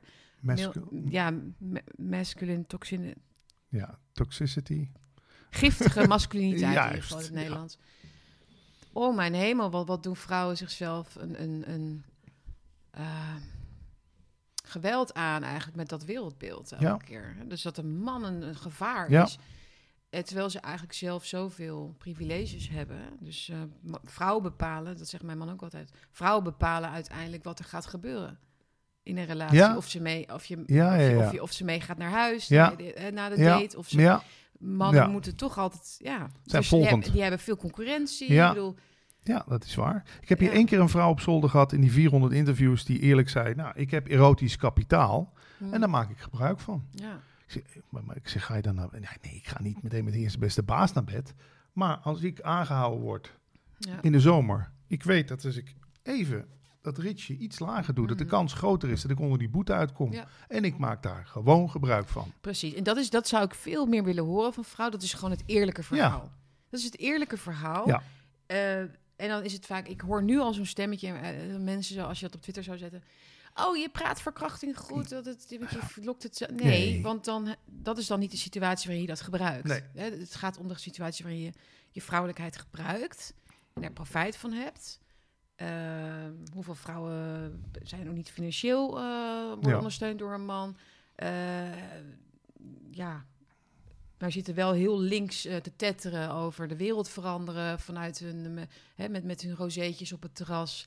Weet je wel, ja, ehm, eh, vrouwenactivistische dingen, abortus en zo. Ik denk, ja, maar ga nou, wees nou eens gewoon eens eerlijk. Dat je is het. Ja, Jij weet ook dat jouw looks je in het leven wel dingen gebracht hebben. Als jij eruit zou zien als Annabelle Nanninga, nou, heeft zij die verder gebracht dan ik? Weet ik niet. maar hoe je nee. het bekijkt. Nee, ik vind dat ook een lieve... Ja, dan gaan we weer. Dan gaan we het weer zitten vergoeilijken. nee, nee, we laat- mogen toch gewoon eens eerlijk jou, zijn. We mogen toch gewoon eens eerlijk zijn. Ik ben ook We niet gaan nu eerlijk zijn. We beginnen nu Nou, nu gaan we... Hoe lang lopen? we? Een uur? een uur. Het is nu, mensen hebben een uur lang, Nou, nu gaat het komen, alle jongens. mensen die het vol hebben gehouden, een uur lang. Nee, maar laten we Nu gaan we zijn. echt Ik ben zijn. ook niet moeders mooiste, knapste. Maar ik weet dat mensen die gewoon knap zijn, die schoppen het gewoon verder in de wereld. Dat is, dat is toch gewoon, laten we nou gewoon eens eerlijk over zijn. Die, die krijgen de betere baantjes, die hebben de betere salarissen, de betere positie. R- Raisa Blommestein, ik vind het een super lieve meid, zit natuurlijk bij ON met haar. Die, die heeft ook gewoon de looks. En dus inderdaad nog een kopie kopie erbij. Nou, Ja. hup, combinatie, daarom, daarom zit je Ja, daar. je krijgt ook een keertje die Johnny Eubank achter je aan, of heet hij ook Oh ja, weer? is of die, die, die had klopt. zo'n vriendin Ja, en die ja. had een boek uitgegeven. Dat is een goed blonde- voorbeeld. Hoe weet jij dat? Toevallig eh, Gegoogeld. ge- ja, ik zag dat langskomen. Ja, dat klopt. Kelly Wekers zat weer op, op LinkedIn de, de blaten dat ze dus... eh, kijk eens, ik heb, ik heb 100.000 boeken verkocht. Zei, Kelly, je mag... Wat waren dat kookboeken of zo? Nee, Of, ze zei, eh, ook wel echt, een echt boek. Nou, echt zo'n boek van eh, su- Succes is een keuze. Iets in die trant, Oh, weet je wel. Nou, ik zeg Kelly, dan moet je wel eerlijk zijn. Je bent Miss Nederland geweest. Je man is John Eubank. Hè? Je, je mag ook je vader en moeder bedanken voor de goede, het goede genenpakketje wat je jou gegeven. Alle mensen van de Cosmos uitgevers die aan je boek hebben meegewerkt. Mm. Beetje bescheiden wel. Nou, toen was ik een of andere, hoe noemde John Eubank me nou, een drol in de Telegraaf. Oké, nou ja. Want dat had ik natuurlijk allemaal niet mogen zeggen. En ik bracht het al zo voorzichtig. Nee, ik heb het gezien. Het was helemaal Ja. niet. Het was meer van, jongens, zullen we ook even, Eventjes. even uitzoomen, zoals jij al zei. Even uitzoomen. Ehm, maar goed, zij mag natuurlijk, want dat is niet wat, wat wij bedoelen, denk ik. Zij mag natuurlijk die boeken verkopen. Ja, maar het, s- Maar het het punt, sme- ja. smerige is, dat weet je ook. Zij zegt, doe als mij, Hmm. dan is jou dit ook gegund. Precies, haar Ja. boodschap was dat Ja, specifiek ook. en dat Ja. is niet waar. Je hebt toevallig gewoon heel veel geluk Nou, stond, er niet, stond, ook. stond er niet in haar boek eh, trouw een bekende rijke vent. eh, ga vervolgens een boek over het succes schrijven. Eh, Ja. Eh, begeef je veel eh, op de grachtengordel en die kringen Ja. Amsterdam-Zuid. Ehm spreek altijd de juiste Ja. mensen. Nou, als Eh, dat praat erin... vooral over niets verder. Heb geen mening over politiek. Zeker, wees, neem nooit een recht Ja. standpunt in. Wat was ook zo mooi. Een paar maanden daarna kreeg ze, moest ze bevallen van haar tweede of derde kind. Het was natuurlijk ook weer de snelste bevalling aller tijden. Nog niemand, niemand had ooit zo'n goede bevalling gehad. Oh, Een dag later echt. zat ze al op de fiets, bij wijze van niks ingeknipt. En ik, ja, ik vind het wel zo mooi. Oh, maar ik vind het, dit vind ik, want ik heb ook in Duitsland gewoond een paar jaar. Dus heb je daar, eh, daar, daar, daar leeft dat niet zo. Nee? Dat, dat, dat, dat enorme, ge, dat ge-BN'er of ge-BD'er dan. Ja, Je hebt daar wel bekende mensen, maar die, die, die daar- Nee. dat, is, dat komt niet langs of dat komt niet in je... ja, die zijn- ventileren dat niet. Ja, je hebt wel die, die roddelbladen, maar ik ken die mensen allemaal niet. Dus, Ja. Maar in Nederland is het elke... Al die vrouwenbladen, alles moet allemaal besproken worden. Menopauzes en, en, en botox en inderdaad bevallingen. Weet je wel, echt hou op gewoon. Als dan krijgen ze kanker of dan hebben ze... Dat is natuurlijk heel erg. Maar hoe houden die het vol? Ja. Hoe houden die dat vol? Dat ze zo incontinent zijn, zeg maar, met hun, met hun persoonlijk leven. Ja, Eh, Linda de Mol, weet je wel, dat is ook die, die, ja, ik kan me niet voorstellen hoe je, hoe je dan nog een ik kunt hebben eigenlijk, bijna. Ik ja. denk niet dat zij heel non-duaal in het, in het leven staat. Nou, zij, zij zijn er gewoon een soort karakter geworden van zichzelf. Nou, met dat gezicht van Linda de Mol, laten we maar eerlijk zijn. Als je dat ziet, dan kan je toch alleen maar medelijden mee hebben. Dat is zo verbouwd. En en, ja, Maar goed, nee, maar dat is de, de vrouwenwereld in die zin. Ik vind dat de vrouwenwereld niet wordt vertegenwoordigd in de media. Laat ik dat zo even. Nee? Nee, helemaal niet. Nee. nou, misschien ligt er voor jou een kans. Ja, nee, ik heb ook wel eens eh, nagedacht over een vrouwenprogramma. Maar dan ontdaan dus van dat beetje dat kippenhokkerige en, Ja. het, en het wat vrouwen snel doen. Hè? Dus dat, dat de gift en, en, en, en ehm, roddelen mag wel een beetje, maar ehm, ja, dat het een beetje dat ontstijgt en dat we ook andere onderwerpen kunnen bespreken Ja. over de wereld en dichter bij huis. Hè, want er, is, er leeft nu zo'n idee dat we allemaal moeten bezig zijn met de planeet en, en, en kindertjes in Afrika. Maar als je gewoon iets post over, je, hè, over coronamaatregelen bijvoorbeeld en, en, en prikken bij kinderen, dan ben je een fascist of zo. Hm. Dus hoe gaat het met onze eigen kinderen? Dat, dat verbaast me heel erg. Je mag niet echt, echt een ouder zijn in Nederland in dat opzicht. Je mag alleen maar over kleine ditjes en datjes mag je wel wat vertellen. Over opvoeding of zo, maar niet... Je mag niet meer een ouder zijn dan de overheid dat is voor ze. Hmm. Ja, dat, misschien maak ik nu een beetje te veel. Maar dat zou, dat zou ik met vrouwen wel willen bespreken, ja. Dus hoe blijf je zeg maar ouder in een tijd waarin de overheid overal overheen hangt en zich overal mee bemoeit en je kinderen indoctrineert? Hmm. Nou ja, Ja. wat er in de jeugdzorg allemaal gebeurt, daar zul je ook wel eens in verdiept hebben. Mijn ex heeft een jaar of eh, vijf jaar lang in de gesloten jeugdzorg gewerkt. Die verhalen die inderdaad die ik daar allemaal gehoord heb. Daar is ook nog wel een hoop verbetering aan te brengen. Oh ja. Ja, ik noem het wel. Ja, het is echt een eh, verstoring, degeneratie eigenlijk van de moeder in de maatschappij. Hè? Dus de jeugdzorg die als een soort mon een veelkoppig monster. Ja, soort ja. van, jij kan dat niet. Laat ons Ja, maar. je. En je ziet dat onmiddellijk misgaan. Ja, Dus je moet, die, je moet terug naar die oer-intuïtiviteit van... Er is iets mis. Ik weet nog niet precies waarom, waar- waarom het mis is of wat er mis is. En dat was met die coronatijd bij heel veel vrouwen. Hier gaat iets niet goed. ja. Ja, en nu zien we een onbalans. En, eh, Ja, we leven natuurlijk in een Speedy Gonzales maatschappij waarin alles meteen gefixt moet worden. Wat krijgt nou nog de tijd om, om Hmm. natuurlijk zich te herstellen? Weet je wel, stel je hebt relatieproblemen. Dat moet ook meteen gefixt worden. Relatiecoach erop. En Ja. eh, we moeten dit, we moeten zus, we moeten apart slapen.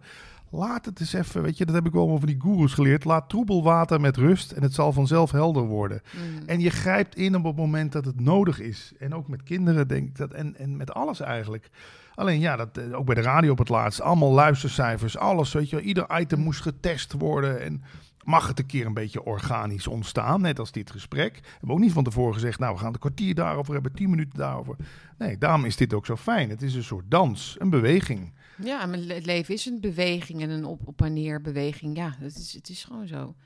Ik denk ook wel eens van, eh, dan heb ik als een paar weken, dan gaat het gewoon minder. En dan denk ik, wacht eens even. Dit heb ik vaker gehad. Toen ging het op een gegeven moment toch weer beter. Ja, dus. Ja, dan moet je dus, maar dan moet je wel een bepaalde leeftijd voor bereiken, voordat je, Om- voordat je die, ja. echt die cyclus ook een beetje Ja. door gaat krijgen, weet je. Maar dat, die- kan, dat kan seizoenen zijn, of dat kan inderdaad Maar die- gewoon een dip zijn in creativiteit. Of, die maakbaarheid van het leven. Daar verwijzen natuurlijk mensen als Michael Pilarczyk en zo heel erg op. En daar geef ik zo graag een tegengeluid op, weet je wel. ja. Alsof alles, alsof succes alleen maar een keuze is. Weet je? Alsof geluk een keuze is. Alsof, alsof eh, weet ik het, de marathon winnen een keuze is. Hmm. Het is allemaal zo, het is zo'n fabeltje. Nee, absoluut zijn al die factoren van geluk inderdaad wat je moet hebben. Ehm, het meest, ja. En, en, en- ook acceptatie dat, je, dat, niet, dat, je, dat niet iedereen het redt. Nou, ook, ook, al- ook al doe je al die dingen. Ja, nee. Dus je, je kunt die in opleiding doen en dan kun je bij Ja. het mooie kantoor gaan werken. Ja. En dan kun je partner willen worden. Ja. En, dan, nou, en, dan, en, dan, en dan helemaal aan het einde, dan kun je het misschien niet redden. Ja, Ja. en dan? Ja. Heb je dan ook nog een plan B? Of, bijvoorbeeld. En er zijn ook mislukte levens. Daar moeten we gewoon eerlijk in zijn. hmm, Ja, maar het kan Ja, toch ook het niet? loopt gewoon soms anders. Ja. Kijk, één ding zou ik er nog aan willen toevoegen wat hier wel in past. Is, ik heb natuurlijk ook heel erg verdiept in waar komt het nou vandaan dat ik me dan zo ongelukkig voelde, ondanks dat ik alles had. Hmm. Nou, dan ga je al die boeken lezen, al die seminars. Denk je dat geluk uit spiritualiteit te halen is? Kom je ook van een koude kermis thuis? Ja. En dan kom je er op een gegeven moment wel achter dat geluk eigenlijk gewoon in jezelf zit. Geluk zit in jezelf. Ja. Want ehm, die brandweerauto die je vroeger als jonge jongen kreeg, die maakte je zielsgelukkig. Waarom maakte die brandweerauto je tien jaar later dan niet meer gelukkig? Geluk zit dus niet in het object, geluk zit in jezelf. Het is het wegvallen van het verlangen naar iets buiten jezelf wat jou eh, eh, weer gelukkig maakt. En dan komen we bij het kapitalisme uit, wat de hele dag maar boodschap op je afvuurt. Koop die nieuwe iBook. Het maakt jou gelukkig. Wat heb je nog een iPhone 13? Dat kan niet. Je moet de iPhone 14 halen. Dan word jij gelukkig. Hmm. Ja, ik heb dat ook. Ik ben ook een soort goedgelovige Thomas. Ik heb de eerste 30 jaar van mijn leven geloofde ik gewoon wat de reclame mij vertelde. Dacht ik, dat is waar. Dus op een gegeven moment ga je dat allemaal onderzoeken. Ja, dan kom ik toch een beetje. Ik wil niet zeggen dat kapitalisme meteen afgeschaft moet worden. Maar ja, al die reclameboodschappen, de godganse dag op je af. Die arme mensen die daar nog in geloven. Dat dat geluk van, van buitenaf aan jezelf toe te voegen is. Daarom zie je ook zoveel mensen op jonge leeftijd stranden. Volgens mij, die, die komen dan en dan denk ik, maar ik, ik heb het allemaal. Ik ben nog steeds niet gelukkig. Hoe kan dat nou? Nou, ik hou mijn mond maar. Hè, want de buurman heeft het ook allemaal. En die, ja, die zien er wel gelukkig uit. Oh ja, ja, ja, klopt. En dat wordt dan niet eigenlijk... Onder elkaar wordt dat dan niet besproken. Dus dan, ja, iedereen houdt die fictie in stand eigenlijk. Ja, het is een soort Ja. collectieve afspraak. En Ja, daarom, daar Want kunnen, die connectie tussen mensen ook, door al dat materialistische, verlies je ook de connectie. het gaat alleen maar om, wat heb jij nou, Ja. heb, je ook de, i- heb je ook de iWatch 12, weet ik wel hoeveel ze zitten. Mm. Maar nog even over die vrije wil, en, en dan hou ik op. Kijk, dat is ook gewoon een collectieve afspraak. Wij, wij, wij spreken gewoon af, als jij hier nou, als ik nu koffie over jouw laptop gooi, dan Mm. geven we dat op aan mijn verzekering, weet je wel.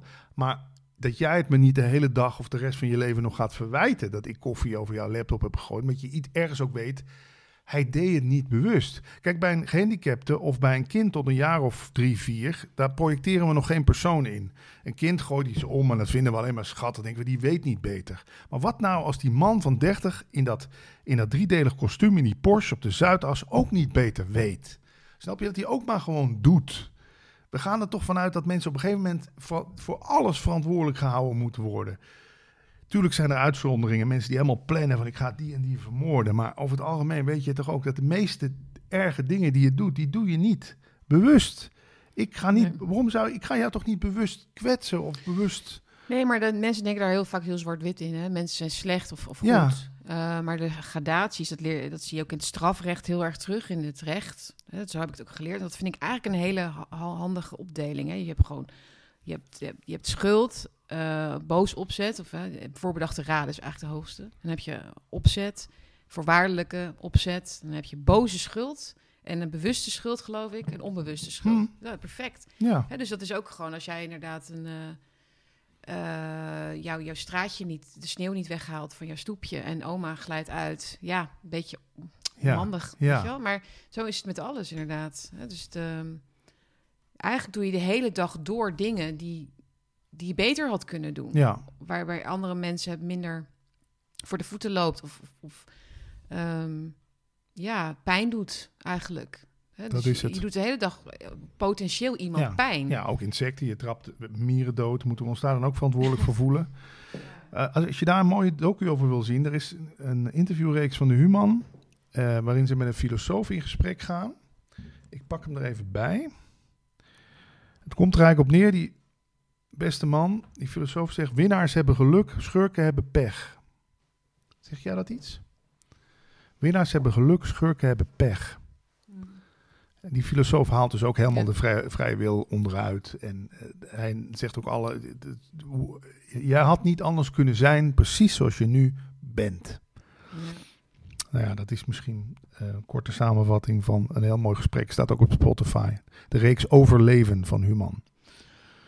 Ehm, ja, ik denk dat mensen die echt hele slechte dingen doen, die seriemoordenaar Mhm. worden of zo. Ehm, jij, gaat hij nou weer uit? Dat snap ik niet. Heel veel geluk hebben, of ehm, hoe zeg je dat? Ehm, dus ook heel veel pech hebben, ook met hun genen. Hè? Dus bepaalde psychopathie hebben natuurlijk. Ehm, dat kan aangeboren zijn, dat kan door een trauma komen. In combinatie met andere stoornissen, in combinatie met hele slechte Opvoeding. opvoeding, Ja. gebeurtenissen, Misbruik. geweld, misbruik, noem maar op. Nou, dan krijg je een giftige cocktail.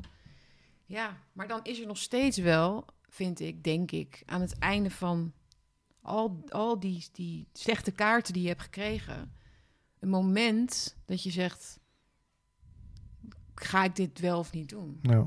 Nou ja, iemand moet wel gestraft worden. Hè, maar daar had die filosoof het ook over bij de Human. Maar over- wij zijn in Nederland altijd van de vergelding. Weet je wel? Er moet altijd vergelding. Iemand moet net zo lijden als die ander geleden heeft. Ja, dan is altijd van, eh, de slachtoffers hebben levenslang. Ja, wordt al Ja. gezegd. Ja, dat is een standaard uitspraak die in de politiek veel hoort.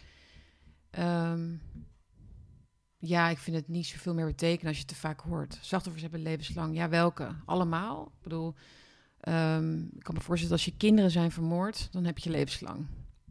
Maar ik bedoel, er zijn wel... Ik bedoel, wat rechtvaardigt iemand levenslang opsluiten? Wanneer is het de vergelding dan genoeg? Ehm, ik heb daar natuurlijk wel een kijk op. Ik vind niet dat je moet rondstrooien met levenslang, want dan betekent het niks. ja.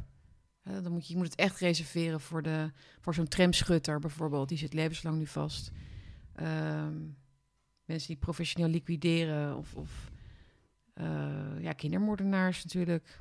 Dat soort, Ja. eh, dat soort dingen. De, moord op, de, de moordenaar van, van Theo van Gogh zit levenslang vast in Nederland. Maar die van Pim Fortuyn weer niet. zitten er nu volgens mij in Nederland 40, als ik uit mijn hoofd. Ja. 40 mensen levenslang vast. Dat is echt niet zo heel veel. Hoe vind je het dan dat die moordenaar van Pim Fortuyn gewoon vrij rondloopt? En wat voor Ik denk, ik denk dat, dat daar iets eh, vreemds aan de hand is. Die, eh, ik, weet, ik studeerde toen, ehm, toen hij, toen, volk, toen die zaak volgens mij tot een einde kwam. Zeg ik dat goed? 2004 of zo? Eh, ja, dat zou kunnen. En toen is ook met die veroordeling, ehm, want ik dacht, die krijgt een levenslange gevangenisstraf. Toen is ook wel echt mijn vertrouwen in de rechtspraak wel met, met die uitspraak. Met, die heeft toen echt een knauw gekregen, Ja. dat vertrouwen. ja. Dat ik dacht, dit, dit klopt niet. Dus echt een volksvertegenwoordiger die op klaarlichte dag door zijn hoofd wordt geschoten, terwijl, die, terwijl die op punt stond om eh, premier te worden misschien wel? ja, premier te worden inderdaad. Het heeft ook alle schijn van natuurlijk... Hè, er zit er gewoon een luchtje aan. Ik bedoel, hij- hoe, hoe alleen opereerde hij? Ja. En zeker met de, de, de egaars waarmee hij nu eigenlijk zijn leven mag Ja. leiden. En oh, het is bijna een soort van... Oh, sorry dat, dat je nog niet een huis hebt Ja. in het buitenland of zo. Of dat je eh, nog een proeftijd hebt. Of hij werd elke keer, kreeg hij toch weer... Ja. Ik denk dat ook voor een deel is, ligt in de persoon Volkers van der Graaf. Omdat hij gewoon volgens mij heel intimiderend te werk gaat. Mhm. Gewoon, ehm, maar waarschijnlijk omdat hij ook wel dingen weet. Of zegt van ja, als je mij niet vroeg, vervoegd vrijlaat of die uitkering Ja. geeft. Of Dan klap ik uit de school. ja, en elke keer weer procederen hè, over kleine dingetjes. Van eh, weet ik veel, die proeftijd dan of zo, Ja. geloof ik. Man, man. Maar Ja. hoe, eh, ja, als advocaat vind ik nog even interessant. De rechtsstaat Nederland ligt natuurlijk enorm onder druk. Nu ook met, met, met onze toekomstige koningin. Die moet onderduiken voor de maffia, naar beweerd wordt. Mhm. Moeten we ons daar echt zorgen over maken? Zijn we veel te slap in Nederland? Waar komt dat toch door? Dat we zo, dat we zo onder druk van die, van die georganiseerde criminaliteit leven eigenlijk? Of zie je dat niet zo? Advocaten die ver- vermoord worden nu. de- men beweert dat de volgende wordt een officier van justitie die gewoon eh, eh, neergelegd gaat worden. Dat wordt de volgende stap na een advocaat Peter R. de Vries. Ja, ik weet niet of dat komt omdat de rechtsstaat dus niet streng genoeg optreedt. Hè? Want die zou zeggen hoe harder de straffen zijn, hoe minder criminelen zich hier zullen vestigen. Ja. Hè? Want Ja, dan, dan, dan weet je dan, dat, dat, dat die 100 kilo cocaïne waarschijnlijk onderschept gaat worden. Of dan weet je dat, hè, dat, die, ehm, dat je niet zomaar kunt moorden zonder eh, ja, hoge straf. Op zich zijn die straffen best wel hoog hoor. Eh, ik weet niet wat er met Peter R. de Vries die zaak nog gaat gebeuren. Maar vooralsnog wel worden er best wel hoge straffen uitgedeeld. Ook voor die vergismoorden en zo. hm. Het heeft volgens mij veel meer te maken met iets anders. Ik bedoel, dat de or- georganiseerde criminaliteit zo in, in, in Nederland zoveel ehm bodem heeft en zo kan groeien eigenlijk, heeft veel meer te maken met de aard van ons land en de cultuur en het feit dat, dat alles, ja, dat er geen samenhang meer is in Nederland. Dus, ja. hè, dus ehm, ehm, ja, het is, het is letterlijk een soort donkerder op straat geworden of zo. hè. Het, ondergrondse kan zich gewoon beter verbergen of zo. Ah. Omdat Ja. we niet meer zo coherent zijn. Dat we, we zijn niet meer die samenleving die voor elkaar opkomt, die dingen vroeg signaleert, vroeg de politie tipt. Nee, het wordt een beetje Gotham City meer, steeds meer. hè. ja, ja, dat is een mooie vergelijking. Het is meer, we gaan naar Gotham City. Ach, je ziet het ook in New York. Je ziet het in alle grote steden. Zie je gewoon dat criminaliteit wordt steeds georganiseerder. Omdat de rechtsstaat als het ware ook uit elkaar valt. Het is een soort, er is geen... De democratie valt uit elkaar, de rechtsstaat. Er is geen coherente... Ja, zeg je dat, structuur meer. Mhm. Geen coherent systeem meer. En, en criminelen hebben dat door. Hè? Dat, is- dat het... Die voeden daarop of voeden, Ja. die maken daar misbruik van, gebruik. Ja, ik weet eigenlijk niet zo goed. Of wordt het ook te veel geromantiseerd? Dat denk ik soms ook wel eens. Ik bedoel dat die Willem Holleder toen bij College Tour zat. Ja, laten we nou eerlijk zijn. Mhm. Die wordt als een soort volksheld werd die gepresenteerd. Ja, maar dat is ook wel zo. Kijk, die, die straffen zijn misschien streng voor de ten aanzien van liquidaties. Maar niemand vindt eigenlijk drugshandel echt een, een, een, een, een misdaad of zo. Toch? Ja, maar het hangt wel Dat is- samen wel met moord. Ja, Dat is heel Nederlands. Maar ja, je moet gewoon wiet, je moet gewoon, we moeten alles legaliseren. Oh ja, je cocaïne, cocaïne moet ja. legaliseren, want mensen doen het toch wel. Ja, nou ja, Teun Voet, ik weet niet of jij hem kent, die is daar veel tegenstander van. Die doet altijd, die doet heel lang onderzoek naar drugskartels in Mexico. En die schrijft allemaal boeken over deze dingen. En die zegt ook, dit, als je het legaliseert, wordt het alleen maar veel erger. Want dan, dan weten ze dat ze hier een goede afzet Ja, maken ja, hebben. ja, daar komen ze allemaal. En dat speelt er ook mee. Mensen zijn misschien ook meer drugs gaan gebruiken. Ja, maar waarom? leidt de georganiseerde misdaad ook Omdat ze ongelukkig zijn. Denk ik dan weer. Maar Ja, pilletje erin, hè. Ik, ik hoorde dat in de coronatijd ook heel veel van, van jongeren die thuis gewoon veel meer gingen drinken.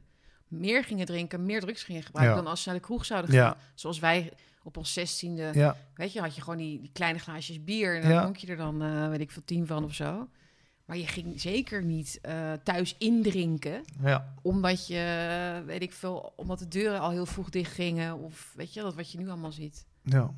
Wat je in Amerika ook ziet, dat, dat binge, of in Engeland dat binge drinken en zo. Komen zuipen. Maar eng gedacht hoor, dat jij zegt dat het een soort Gotham City aan het worden is in Nederland. Waarbij het, het maar zo... Weet je, ik ben ook in het verkeer. Vroeger was ik echt wel dat ik wel eens een middelvinger opstak en zo. Totdat mijn broer ook een keer zei, en dat heb ik ook een keer gedaan. En toen greep iemand naar zijn handschoenenkastje en die haalde een pistool tevoorschijn. Dat is de laatste keer dat ik mijn middelvinger opstak naar iemand. Ja, het is bijna elke week hoor je nu dat er geschoten wordt ergens. In Amsterdam was Ja. er vorige week ook weer een schietpartij overdag. Maar maakt jij dat dan niet bang? Denk, je hebt in Berlijn gewoond. Denk je dan niet van, ik, ik vertrek gewoon weer hier? Het is afgelopen met Nederland. Nederland is mislukt. Het bedrijf is, de BV Nederland gaat failliet. Ja, de BV Nederland, dan zeg je het eigenlijk al inderdaad. En de Rutte is de manager, office manager van de BV Nederland. Ja, de ziel. Ik, ik zie wel, als ik door Friesland rijd of ik, of ik spreek met boeren of, of ik hoor een liedje van, weet ik veel, een Nederlands liedje. Of, Ja? Ik weet ik veel, de radio. Alles oh is ja, liefde. Nee, nee, nee, nee, niet zo. is meer iets van Herman Vinkers of zo. Of oude, oudere, Ja, ja, ja. oudere s- dingen. En dan denk je, Nou, dan, dan, dan voel ik die romantiek wel van Nederland zoals ik dat als kind dan had of zo. Dat gevoel. Maar hoe ik, Nederland ruikt. En, want ik heb in heel veel het buitenland gewoond als kind ook. Maar gewoon hoe het ruikt en de zee. En, en dat alles toch wel zo netjes is aangeharkt. En dat je van die leuke gezellige straatjes hebt. En winkeltjes. En ja, de openheid van mensen en het eten. En dat je de... Doe maar normaal of zo, ja. Een interessant onderwerp hoor. Laten we dat misschien nog eens een andere keer uit die maar de, zeker, het de Nederlander. De Nederlander. Ik bedoel, misschien is dat ook waarom dat non-dualiteit me zo trekt. Ja, je probeer maar eens de Nederlander te zijn. Of dat als identiteit aan te nemen. Waar staat dat dan, dan nog voor, ne- de, de Nederlander? Ja, me- eh, elkaar de, de bocht afsnijden op de snelweg en niet ertussen laten in de file. Nee, Dat- dat is ook een bekende uitspraak van een Nederlandse schrijver. Ik weet even niet welke, maar die schreef ook...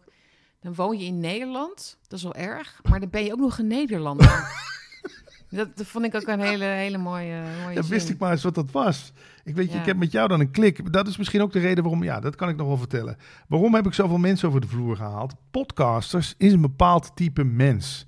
Dat is een nieuwsgierig mens, Hmm. dat is een vrijdenkend mens, dat is een, een beetje piraten, een beetje ons, ken, ons clubje. Weet je, daarom heb ik me daar ook zo toe aangetrokken gevoeld. Maar over het algemeen, wat ik allemaal zo dan tegenkom in de straat of, of weet ik waar op een feestje, Nee, ja. het moeizaam. Maar heb jij ook altijd dat je wel dat soort geheugenverlies hebt daarvoor? dat heb ik wel. Nee, ik kan, als ik heel lang niet naar een feestje Ja. ga, dan, en dan is een feestje, en dan heb ik, ben ik dat allemaal vergeten, dat dat zo is. Oh ja. En dan denk ik, oh ja, doe ik wat leuks aan, dat is leuk. Mhm. Oh, dan komen die mensen, in. Hm. Het is wel leuk en zo. Dan, en dan kom ik binnen en denk, oh nee, nee, nee, nee.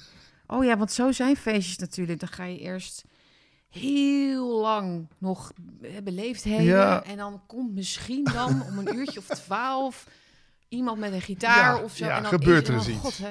Ja. Maar nee, Ja. grappig hè. Zeker als ik dan al een barbecue zie staan en dan, Ja. en dan oh nou ja. Nee, maar dat is, ja, ik bedoel, het ligt ook aan bij wie je komt natuurlijk. Maar als je het gewoon familiekennis. Ja, ja, ja, precies. Soort, eh, Zo'n verjaardag, zo'n kringetje. Ja, het zijn allemaal van die clichés, maar nee. Daarom ben ik misschien wel... Mensen zullen mij typeren als asociaal, maar liever dat dan een grijze muis die zijn hele leven lang braaf met zijn boterhammetjes onder zijn eh, snelbinders naar zijn werk fietst. Zich nooit zichzelf vragen stelt.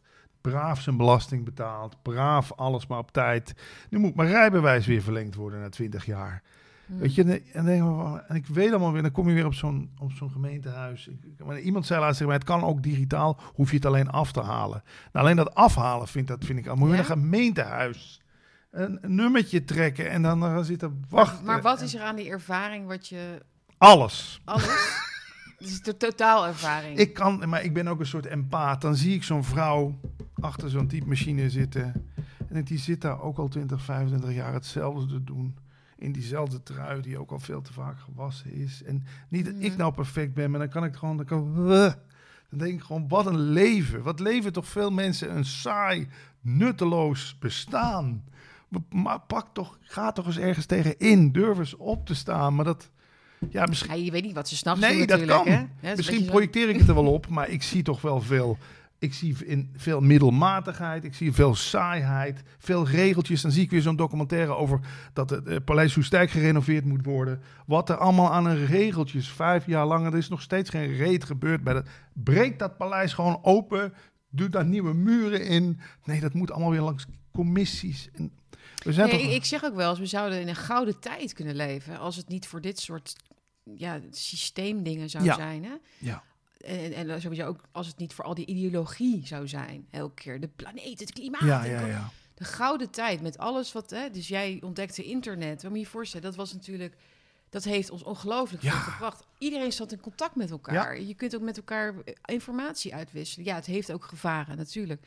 Nou, nog veel meer dingen. De, de, de geneeskunst, de wetenschap. ehm, besef van historisch besef. Hè? Dat wat, we, wat, wat wij hadden, moet ik eigenlijk zeggen. Hè? ja. Van dat nooit meer. Nooit meer fascisme. no- Nooit meer communisme. Vrijheid, democratie. Nu, hebben we het, nu snappen we hem. Weet je wel? Ja. Ik bedoel, zo stelde ik me dat voor toen ik tien was. Het jaar 2000. En dan, eh, weet je wel. En, en, en, nu, en nu denk ik... We hebben, we hebben, wat zijn we aan het doen? Ja. Ik bedoel, het had echt ehm, de, zoveel kennis en kunde. Ehm, Ja. Kijk naar de Nederlandse boeren ook. Kan ik echt, daar kan ik echt eh, soms van wakker liggen. Denk, jeetje, die kunnen zo ongelooflijk veel. We- Hoe daarmee om wordt gegaan. Weet Ja. je? Ga maar gewoon weg. Stikstofruimte. Dat is wat zij zijn. Ja. Stikstofruimte. Dus een fictieve, maar goed, we worden het niet, gaan het niet over hebben. Maar ongelooflijk wat, ehm, wat we ehm, samen. Kijk, kijk, je bent natuurlijk altijd als individu zelf erbij wat je zelf bijdraagt. Maar ik, ik vind de potentie ehm, van Nederland is enorm. ja. Maar ja, ja, betutteling, regeltjes. En nu schetsen we het misschien wel heel negatief, maar er zou eens wat meer een vrijhaven moeten zijn voor creativiteit, vrijhaven voor ontwikkeling. Ook bij Ja. de radio. De reden dat ik eigenlijk bij de radio gestopt ben, dat staat ook al twintig jaar stil. Daarom schrijf ik daar nu die ja, columns ik kan er ook niet meer naar luisteren. Nee, naar, gebeurt de geen reet. van nu. Die, die Nee. zaten van de week keihard te lachen. Ik had even eh, Q-music of zo aanstaan. En een lol dat ze hadden, zit er meestal standaard ook verplicht nu zo'n meisje bij, ja. zo'n sidekick Ja. meisje. Die, die moet dan lachen om hun of zo. En die hadden het over die reptiele uitspraak van Baudet. Oh, haha. En dat is het enige wat ze eigenlijk Ja. deden. Niet van, goh, wat bedoelt hij er Ja. nou mee? Of waar komt het dan vandaan? Ja, leuke twist of duiding. en, en dan mocht je en dan kon je inbellen of hoe heet dat? Dan kon je stemmen. Eh, en, de, en de stelling was dan eh Thierry Baudet is nu echt knettergek. Dan kon je ja of nee. nou, Dat, is, spannend dat hoor. is het dan. Spannende Nou, radio. dat had jij nooit gedaan, denk ik. Nee, nee maar da- daarom schrijf ik ook die columns over radio. radio. Dan hangen we een camera op in de studio denken, nou, dan kunnen we er weer vijf jaar tegenaan. Houd toch op. Er is zoveel mogelijk met radio. Dit soort gesprekken voeren kan, zou ook gewoon op Radio 1 kunnen. We zouden gewoon s'nachts, geef ons een paar uur zendtijd. We gaan gewoon wel eens Mm. en interessante dingen eh, ontdekken. Ja. Maar nee, het is allemaal betutteld, allemaal, wordt allemaal kort gehouden. Angst regeert, ook bij de radio. Mhm. Want nee, je zou eens iemand voor het hoofd stoten. Oh, er zou eens een adverteerder zich terugtrekken. Ja. Ik zou als baas het alleen maar stimuleren. Nou, dan rot hij toch op, dan adverteert hij toch ergens anders. Ja, ja. En, en mag ik gewoon individueel verantwoordelijk zijn? Ik, bedoel, ik, ik ben niet jullie hele station. Ja, nee, je bent inderdaad het Ja. merk geworden. Je, Ja. bent, je, moet het, ja, je krijgt ook allemaal regels. Hier staat ons merk voor, de merkbeleving. Mhm. Dus ja, ik heb gelukkig nog de leuke jaren kunnen meemaken... dat we bij Veronica gewoon een beetje konden experimenteren. Want eh, ze noemen dat trial by error in Amerika. Dus probeer maar gewoon eens iets. Kijk of het aanslaat. Doe het en dan gooi je de dag daarna gewoon weer weg als het niet aanslaat. Nee, nu moet het eerst door een soort ballotagecommissie heen. Moeten we dat wel willen? Hè? Ik ging altijd met een verstandelijk gehandicapte jongen bellen in de uitzending, Ivo. Nou, dat werd mijn grootste hit, omdat ik Ivo gewoon in zijn waarde liet. Ik sprak gewoon met hem en die jongen die, die sprak een beetje moeilijk, maar ik liet hem gewoon uitpraten. Mhm. Veel andere disjockeys zouden hem natuurlijk alleen maar belachelijk gemaakt hebben. Maar ik liet Ivo gewoon zijn Ivo zijn. Nou, nu nog mensen die ik tegenkom vragen, hoe is het met Ivo? Spreek je hem nog wel eens? Oh, ja. Ja, dat, radio is een voelmedium, hè? net als podcast dat eigenlijk ook is. Het is heel intiem. Mensen voelen wel hoe jij dat bedoelt. Die voelen ook wel nu aan ons of wij het nu echt heel hatelijk bedoelen... of dat we er toch een soort van goede bedoeling mee, mee hebben. Mhm. Maar- Ja. Ja, daar is allemaal weinig ruimte voor. Dus lang leven het internet toch nog. Ja, en dat zal ook wel blijven bestaan. Wat, hoe zie jij de, de komende jaren, zeg maar, voor de podcastwereld of in Nederland? Of gaat het nog verbeteren, denk je? Of komen Ja. Er, ja, ik zou, ik, ik, ik, ben ook altijd, ik vind het ook altijd leuk als andere mensen het ook goed doen en ook, hè, Mhm. dus dat, ehm, ik, ik, ik wacht, zit echt een beetje te wachten toch op nieuwe dingen. En wat bedoel je met nieuw? Wat nou, eh, ehm, we hebben het concept Weltschmerz natuurlijk al heel Ja. een aantal jaren. We hebben nu Ongehoord Nederland. Dat is ook redelijk vast omlijnde... En dat is, dat is publieke omroep ook. Eh, we hebben Blackbox nu natuurlijk. Dat- Die, die laten zich heel erg voorstaan op echt feitelijk journalistiek programma. Hè. Mensen echt goed informeren. ehm voorbij de waan, maar wel informatief. Ehm, maar wa- waar komen de, de, de nieuwe creatievelingen zeg maar samen? Ja. Ja, het moet allemaal kort, kort, korter lijkt wel. Hè? Dat alle content creators zitten nu op TikTok. Die willen ook zo snel mogelijk viral gaan. Moeten we ook eens vanaf. Dat we meteen viral moeten gaan. Mhm. Mag het ook eens een keer een beetje inhoud hebben. En zichzelf, nou, het publiek zelf langzaamaan laten veroveren. Nee, ik vind het wel een goede ontwikkeling dat een aantal radiodisjockeys toch, zoals Giel ook, gewoon op een gegeven moment podcast nog leuker zijn gaan vinden dan radio. Omdat ze daar die vrijheid wel nog vinden. Ja, maar je ziet wel dat er, dus heel veel van die mensen zijn allemaal in die beetje in die spiritualiteit ik weet eh, het. terechtgekomen. Ja, omdat dat nu ook booming is. Die kiezen dan maar gewoon een onderwerp wat Ja, dan... maar ja, dat zie ik heel veel. En nou ja, eh, prima natuurlijk, als dat, je, als dat jouw eh, weg is. Maar er kan ook te veel van zijn. Dus je hebt de Wim Hof, die is natuurlijk Ja. heel groot geworden. Ja. En ik zag inderdaad Giel Belen die dat doet. En ehm, ik weet niet, Lange Frans heeft die, daar heeft er ook een beetje een handje van. Die zit nog wel echt een beetje die te veel Ja. meer in die... Nou, eh, Jorn Luca is natuurlijk Jorn bijvoorbeeld Luca, van, ja. van iemand... Hè, die, en, en Tissue Boy J en zo, die krijgen gewoon Ahoy vol. Dat vind ik dan wel weer cool, hè? ja.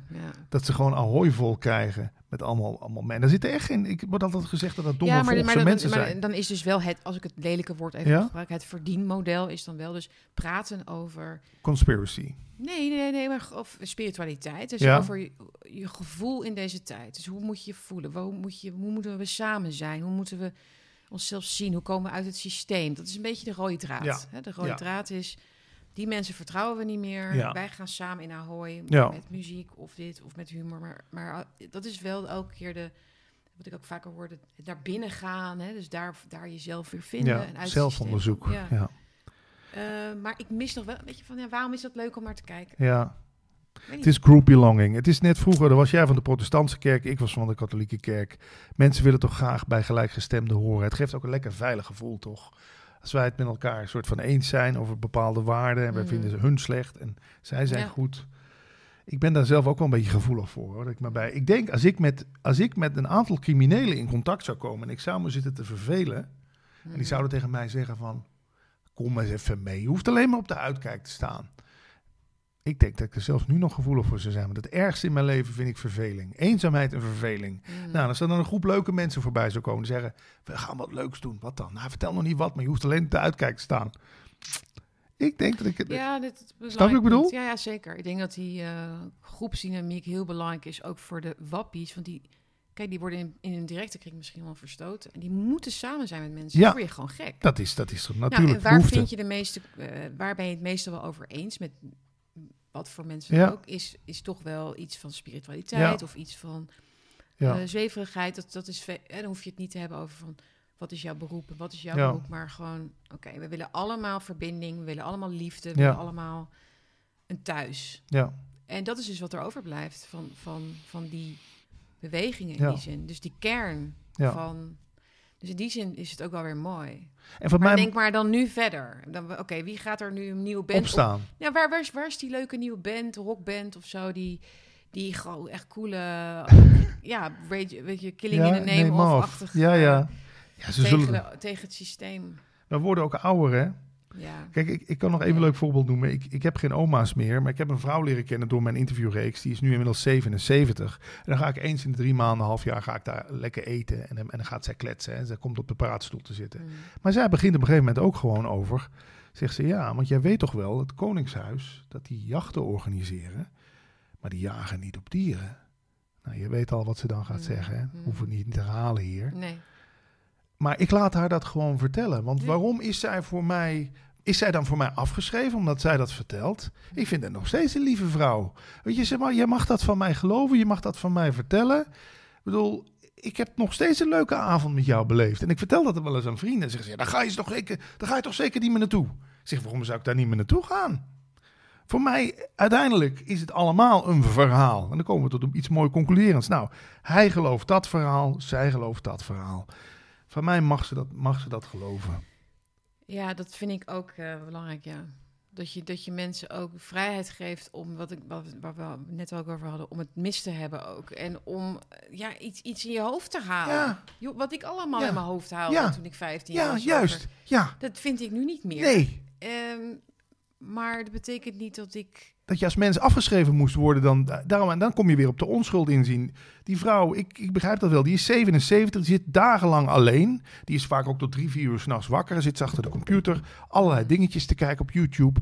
Dat is haar soort van veilige haven geworden om, om zich Ja. daarmee te verbinden. Hmm, Dus wie ben ik om daar dan, om daar dan gewoon geen liefde meer in te zien en daar dan niet meer op, op visite te gaan? Nee, voor mij mag iedereen, ook die Flat Earth Movement, daar kijk ik weer eens een documentaire op Netflix. ja. Ja, nee jongens, Ik bedoel, het Ga is onschuldig. Er, is, er wordt echt helemaal niemand eh, vermoord om die, om die theorie. nee, ga je gang. Jullie nul allemaal met doden, nul doden. Nee. Er is niemand. Het is een beetje, ja. Oké, dan kom je op de vraag, ja, mensen die dan inderdaad, eh, skinheads, die, die andere mensen in elkaar gaan knuppelen, zou je daar dan ook nog gezellig op visite gaan? Ja, nou, daar ligt dan misschien gewoon de grens in het verhaal geloven of er echt op gaan acteren. Mhm. Ja, maar dat moet je ook, ja, dat moet je voor jezelf bepalen. Ja, toch? Ja, nee, ja, zeker. We zijn er ja. wel, hè? Ja, volgens mij wel. Moet ook- heel veel gera- aangeraakt. Nou, eh, leuk, leuk gesprek. En eh, zeker. Voor herhaling vatbaar wat mij Ja, betreft. vind ik ook. Misschien een keer in jouw Ja, podcast. draaien we de rollen om. En dan ga je mij eh je durft, tranen toe roeren en tissues ja, we hebben je pas. tissues, ja. Die waren niet nodig. Ik Ik ga- niet zo. Ik ga graven natuurlijk. Vertel eens, hoe was je jeugd?